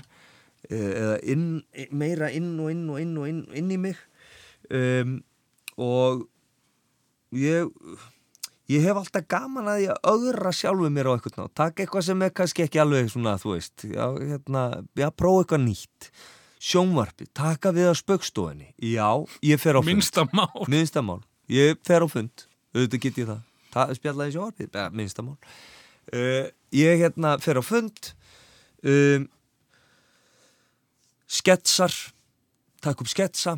Uh, og hérna og svo tónlist og viðtal og hæfileika kefni hæfileika ríkasti Íslandingur uh, þú mátt hérna, það eru tveir með þér í þessu. Skrifa ske sketsana, Katla, Margrét og Viktor Már Bjarnason snillingur og snillingar. Og hérna og þið hérna já nei þau voru ekki komin inn í þetta á, á þessum, það skiptir ekki máli og hérna og þið bara fá þetta en ég, mér langar til að þetta verði þannig að, að það sé ekki uh, fólk horfi ekki á, á loga í beinni á föstu degi og þú sést með sama fólki á lögati þannig ég vil og fáir einhverja þú veist við tökum hérna akureyri fyrir einu þætti og þá sérstu með einhvern sem að er svona frekar óþektur Nú, frá akureyri. Frábær hugmynd. Þú veist, þetta er frábær hugmynd tala við fólk sem er ekki kannski endalust á sjónvaskjánum, mm og er að gera einhverja, einhverja spennandi og skemmtilega hluti. Hver er þetta sem er að tala við það? uh, Björn Emilsson, uh, pródusent. Og hérna sem náttúrulega bara var með spaukstofuna og eh, snillingur og, og, og hérna og bara, þú veist, búin að vinna í sjómarpi bara alla sína hunds og katta tíð, sko Svo er bara einhvern veginn hérna á þetta bara að fara í loftið eftir, ég man ekki hvað, fimm vikur eða eitthvað. Og það er bara, þú veist, aukt blað fyrir fram mig. Og við höfum að búa til ykkur þátt. Ég kem með hugmynd um hvort það var ekki sniðut að henda í eitt þátt eftir kannski þrjár eða fjóra vikur. Pilot sem er tekin upp og svo síndur fyrir ykkur að vel valda og það væri hægt að glósa hvað er gott, hvað er slæmt, hvað má laga. Og það var hleyið að mér. Það var fáránlegsta hugmynd sem hefði verið bara borin á borð hérna í, í, í, í þessari stofnun. Ég svo bara fer ég upptökur við tökum upp fullt af einhverjum sketsum. Skemmtilegi sketsar. Ég held það bara. Uh, og hérna ógeðslega gaman. Taka upp sketsamar og bara og svo er tökudagur þar sem er verið að taka upp hérna, tónlistaratrið og viðtalið og ég finna það svona það er náttúrulega agalegt að setja óreindan spurningamann eða þáttastjórnanda fyrir framann óreindan viðmælanda. Það er ekki gott kombo. Veist, ég hefði og ég fann það við, við, hérna, svo fekk ég sko fólk þú veist, ég fekk til dæmis sem að vilja eitt þátt það gekk miklu betur Mm. þú veist, það var bara hann sá bara eiginlega um að tala Já, og hérna, svo, hérna þannig að það, það, það, var, svona, það var aðeins auðveldara. Uh, svo er ég að sína þegar að fyrsti þáttunum fyrir loftið. Og ég er bara fastur í leikusinu og ég hérna svo geði heim ógíslega spenntur bara þátturinn. Ég, nú er bara, nú er ég orðin celeb nú er þetta komið sko ég opna tölvuna mína aðra eins drullu hef ég aldrei áður hvorki fyrir ég síðar augum lítið Þetta var ekki högg í maður, þetta var högg í pungin. þetta var bara högg allstaðar sko. Já. ég, ég var bara keirt yfir mig með valdara ég var bara algjörlega ég sá sæng mína útbreyta sem manneskja eftir þetta. Og hérna og það var uh, og það bara hjælt áfram. Aftur og aftur og aftur og aftur og aftur voru fólk að posta og bara algjörli, algjörli dörl um mig og þáttinn. Og sko, ég veit ekki hversu slæmt þetta var, eh, en getur ímyndað þér sko samfélagsmiðlana í dag? Ég myndi ekki vilja uh, lendi í dag sko. Nei, það er, það er nokkuð ljós sko. Já. Þetta er eitthvað sem hefði átt að gerast þá fyrir, fyrir tölvubildingun. Já. En sko það að lenda í svona er ógeðslega holt. Já, ok, þú ert greinilega alltaf með blind fullt vasklas. Það, það er aldrei tómt hjá það greinilega. Eh, en sko, var þetta ekki of mikið högg fyrir lítinn dreng? Þú hafur orðin... Jú, jú, þetta, jú, jú, mér, ég meina, mér leið bara ömurlega, þetta var bara ömurlegt. Hvað, þú veist, Mér finnst þetta fáránlegt og mér finnst ömurlegt að þurfa svo einhvern veginn að mæta bara 50 daginn á eftir og gera næsta þátt, skilur Já. með, og, og, þú veist, og svo bara komið bless og sæl og velkomin í ringekjuna þú veit, er mikill fáhætti, þú ert ógeðslegur þetta er ömurlegt, þetta er áttu sem í tættinum í dag erum við á eigilstöðum þú veit, vákátt, mikill ó, þú ert ógeðslegur, ljótur og í ljótum fötum og það er svo bara hrannaðist allt yfir mig, skilur Já. en ég minna, þú veist, það er bara, það er bara svona. Hvað var það margir þættir? þetta voru 111 þættir. Nei, þetta voru 11 þættir. Uh, og hérna, eftir þetta, hva- hvað, hvað tók langan tíma að grafa þessu upp og, og, og það er ennþá verið að tala um þetta ég fer ekki Já, ég meina við förum ekki yfir einhverja sögu Nei, nei. góa á þess að Nei. staldra þarna Nei, nei, og algjörlega, og ég er, ég, ég er alltaf til að tala um ringekjuna En, en sko, hvernig, hvernig náður það að sko að fara aftur að bæla niður þennan bælda góa að því hann hefur vantarlega vaknað og sagt hér er ég. Já, já Æ, ég veit, ég, veistu, ég bara veit ekki Ég Nei. bara, ég er hérna Ég, sko það var ein, pínu sjokk sem að gerði svo um áramótin sko, áramótasköpi, ég var nefnilega ég var úkslega spenntur að sjá hver myndi leika mig mm. ég vissi að það er gert grína ringekjunni í áramótasköpunu og ég var ógeðslega peppaði fyrir það og mér langaði svo eitthvað myndi leika mig og að sjá eitthvað kollega minn leika mig Mm. og hérna, en svo byrja sketsin og sketsin er þannig að það er kona sem liggur í sjúkurarúmi tengd við alls konar sjúk, hérna, snúrur og öndunavél bara og hérna og, og er á gjörgæslu. Og það er sjónvarp fyrir ofan rúmiðinar og fjärstýring á borði. Og svo byrjar upphafstefið að ringekjunni og ég byrtist sjálfur á ekki neitt til að nei, og bara velkomin í ringekjuna nema gamla konan reynir að tegja sig í fjastýringuna nær ekki þannig hún rýfur sig úr sambandi og deyr.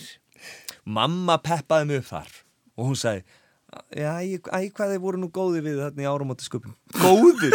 Já, hugsaði þér. Hún gati ekki náði fjastringuna til að hækka þannig að hún drap sig. Þetta, þetta er af þessu pínu góður brandari. Ég Já, já, mjög. Algjörlega. Sko. en, en, hérna, en vissulega ákveðin skellur að fá ekki veist, Ég vilja bara fá ykkur til að leika mér. Já, veist, sko, vitandi að ég gerði eitthvað sem hefur örgulega tekið fyrir skaupinu Algjörlega. Að fá síðan ekki allan að þá gleði að Já. sjá einhvern leika sjálf Það var skellur sko. Hvað hva, hva gerir þú næst? Bara beint í leikus aftur það? Já, já, ég var bara fastur í leikusinu og svo hérna líður nú ekki langa tíma, kannski tvö ár þá fæ ég bóðum að koma aftur í sjónvarpi og ég bara ætlaði sko ekki að gera það, mér langaði það ekki. Uh, en það var aðeins leið í mér og það var uh, stundin okkar. Það var stundin okkar. Já, og þá vantarlega gefur öllum þessum uh, vittlisingum langanefið þitt því það gekk heldur betur upp já, já, algjörlega. Ég, en ég, ég, ég vil Var það ekki svolítið svona uh, sko stundin okkar comeback, the comeback? Jó, uh, af því sko ég man ekkit hver var undaður einu sinni. Nei. Ég man það ekki heldur sem er skellur. En, uh, en sko ég hérna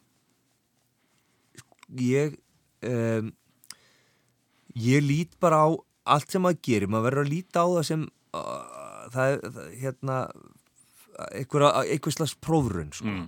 og ég veit allavega hana hvernig á ekki að gera sjónvarp mm ég lærði það þarna ég, veist, það, var, það var fullt af atriðum sem að sem að hefði alveg verið og ég held sko til dæmis að horfa á fyrsta þáttina ringikju sem ég, ég, ég á þetta allt saman og djótt ég, hef ekki lagt í að horfa á það en að horfa á fyrsta þáttin af ringikjunu og horfa svo á 11. eða 12. þáttin, síðasta þáttin uh, ég held að sé mikill munur á Já, ég held að við höfum lært rosalega mikið á, á þessu ferðalagi og hérna sem að er það er auðvitað frábært þó að sé hart að læra þetta að, hérna nota, nota þessa aðferð til að læra hlutina en þá er þetta samt besta aðferðin sko. en, en sko þú varst náttúrulega með pródúser Já. Og hann gaf góð á hann á þátt þannig að þú getur ekki gaf góð, vel, vel orða Já, Eh, þú getur ekki tekið ábyrðin á þessu. Nei, nei, en þó það að þú er sést hérna andlit. Já, já, en það er samt bara, þú veist, það er enginn að fara að ráðast eitthvað pródúsent. Nei, nei, þú veist, nei, það er bara andliti sem að drullar upp á bak. ára löngu ára tuga reynsla í, Já, já. í bransan En ég meina, ég, við vorum samt saman í því að, að, þú veist, hugmyndin er góð og ég meina, þetta er hugmynd sem að hefur virkað. Ég meina, það hafa allir gaman að því að leita ykkur um hæfileika fólki.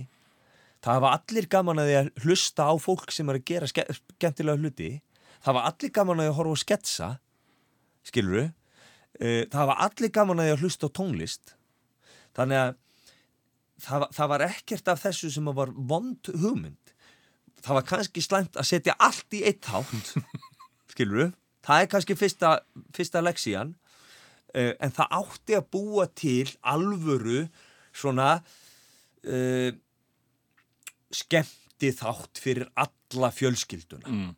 og ég held að við höfum líka fallið svolítið þá grefju að vera að reyna að gera of mikið fyrir alla. Já, nákvæmlega. Skilur í staðin fyrir að gera bara eitthvað sem að okkur hefði fundist fyndið og skemmtilegt það smitar út frá sér og verður. Og það er svolítið það sem við gerðum með, með stundinu okkar þegar ég beðum um að taka hann og ég hugsaði bara ok, ég ætla bara að vera í leikhúsi.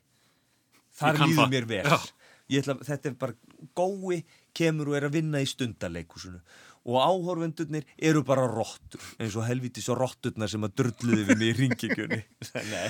En ef að, ef að, ef að hérna Magnús uh, Geir félagiðinn Já, syngir í þig á morgun og segir, jæja, nú þarf ég að fá hérna skemmtið þátt á lögutum. já, Það er ekki alveg að ganga upp hérna, það er er ekki að gangi núna. Nei. Nei. Myndur þú hugsaði tvisar um? Ég meina, úst, þú myndir náttúrulega bara fara fram að ég ætla að fá þennan og þennan og þennan eða þetta, eða myndur já. segja bara þvert nei. um, Ertu á brendur?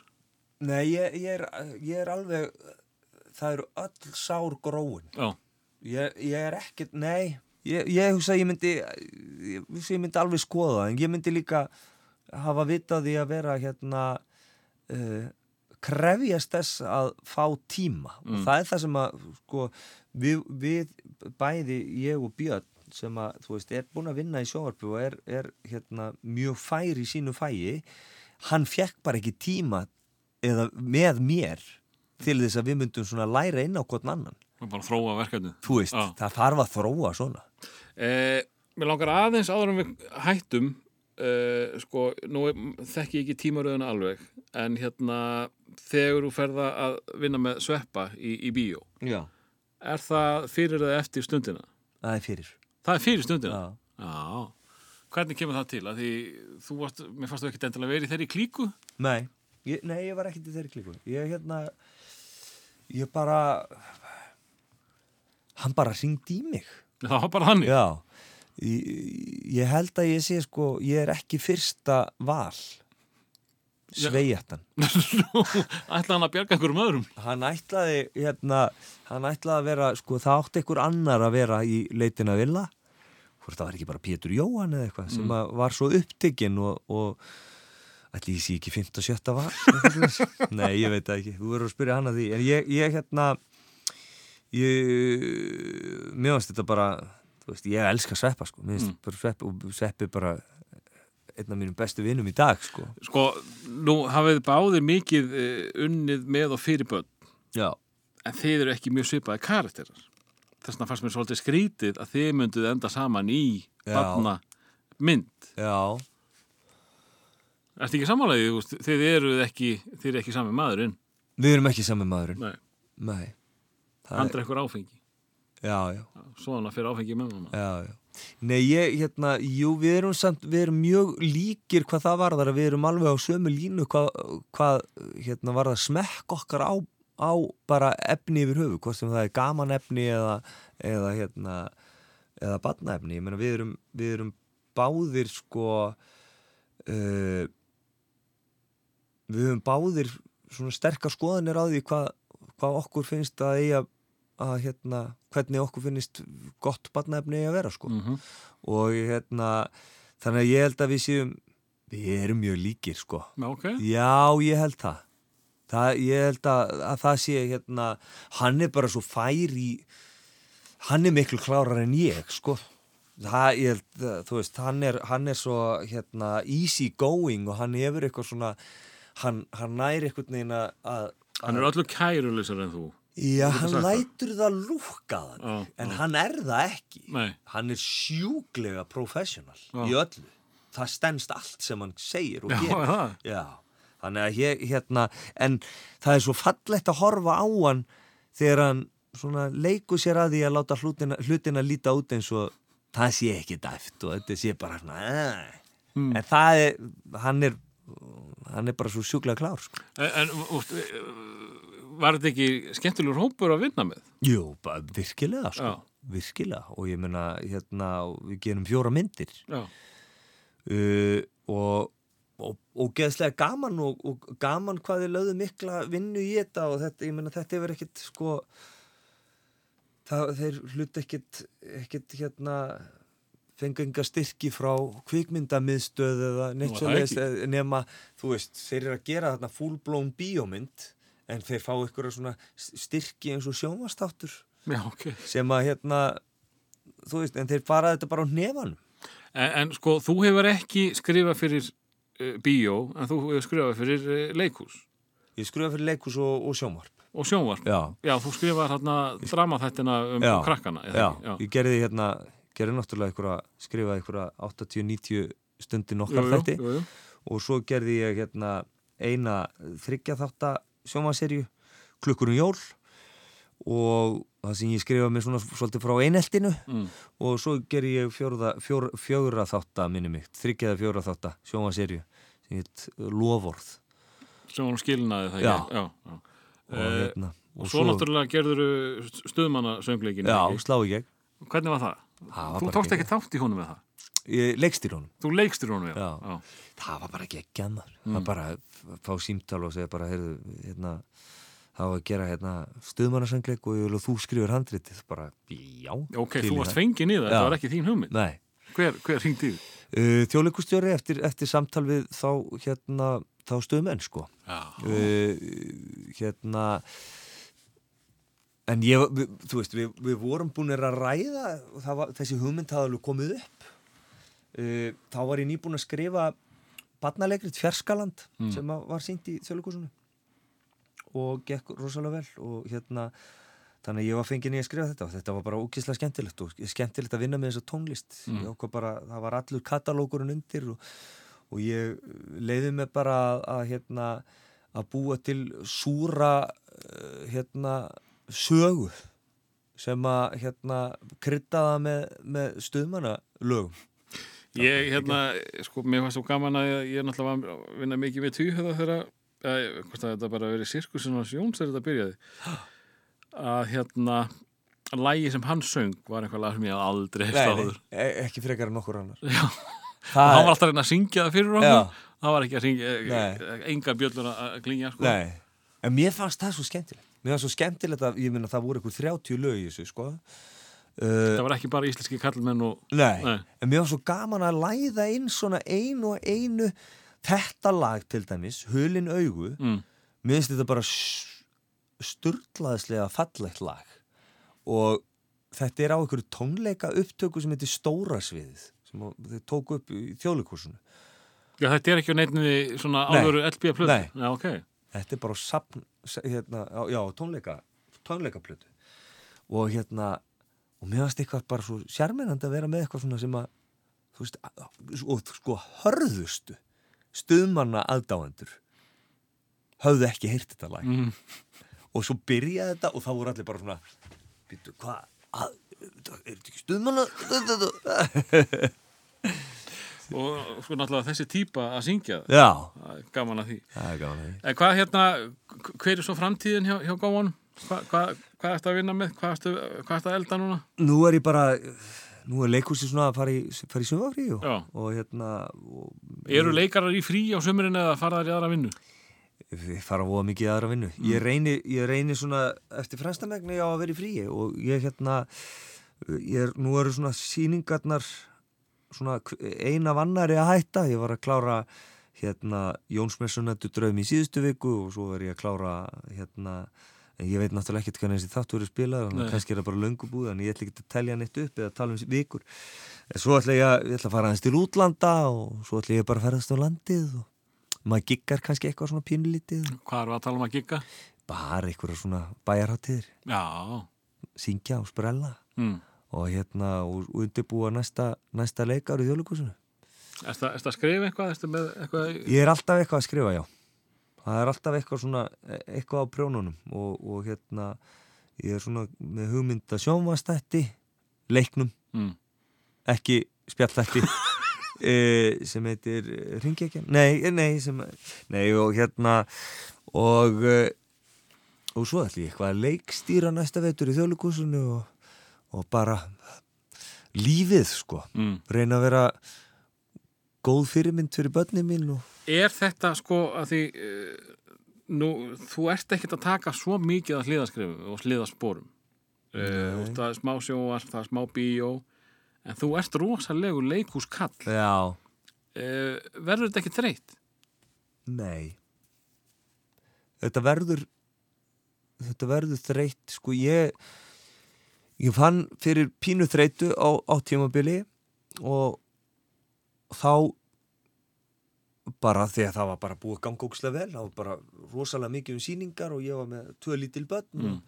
og, og hérna og ég, þá var ég svona að hugsa að ég kannski tekið mér bara pásu hætti bara þessu og hérna en tók enn eitt gæfusporið sem að var að- fara í þjóðlíkúsið sem að er bara hérna það að skiptum bara skiptum umhverfi Já, hefur líka bara ótrúlega mikið að segja til eitthvað svo geggja hús. er bara ekki aðvitt og ég meina það er bara með draumur frá því ég var pínu lítill að- og, og satatn í salnum að, að fá að standa á þessu sviði Mm.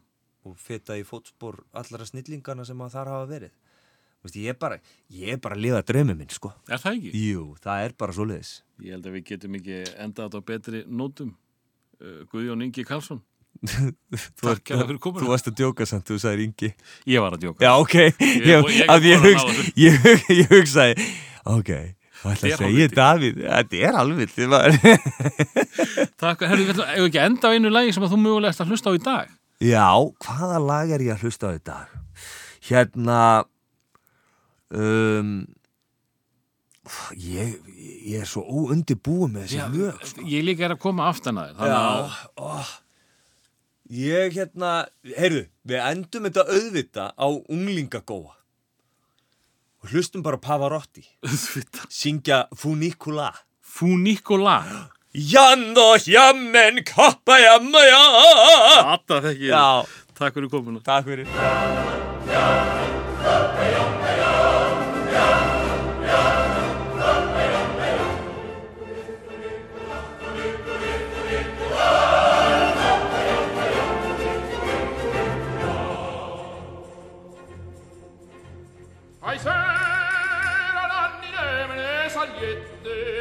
usaiano adas tu core ingrato più dispiette far me non può.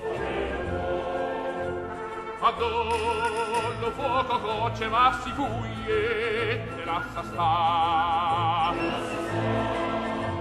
e non te copre a priesse non te struie solo a guardare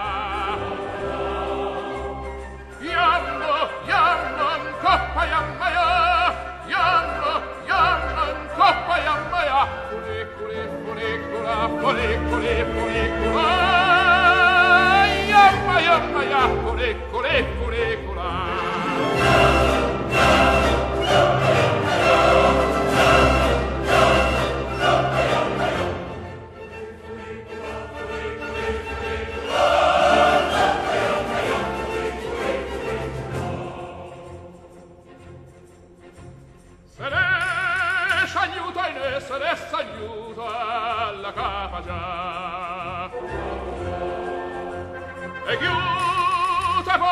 Guardate qual venuta sta sempre qua. La capa vota a vota, attorno a attorno, attorno a te. Lucore canta sempre del tuo reno, scusa mai me. Iambo, iambo, in coppa, iambo, iambo, Jamma, jamma, coppa, jamma, ja. Culi, culi, culi, ca, culi, culi, culi, cula. Coppa, jamma, ja, culi, culi, culi, cula. Go, go, go, go.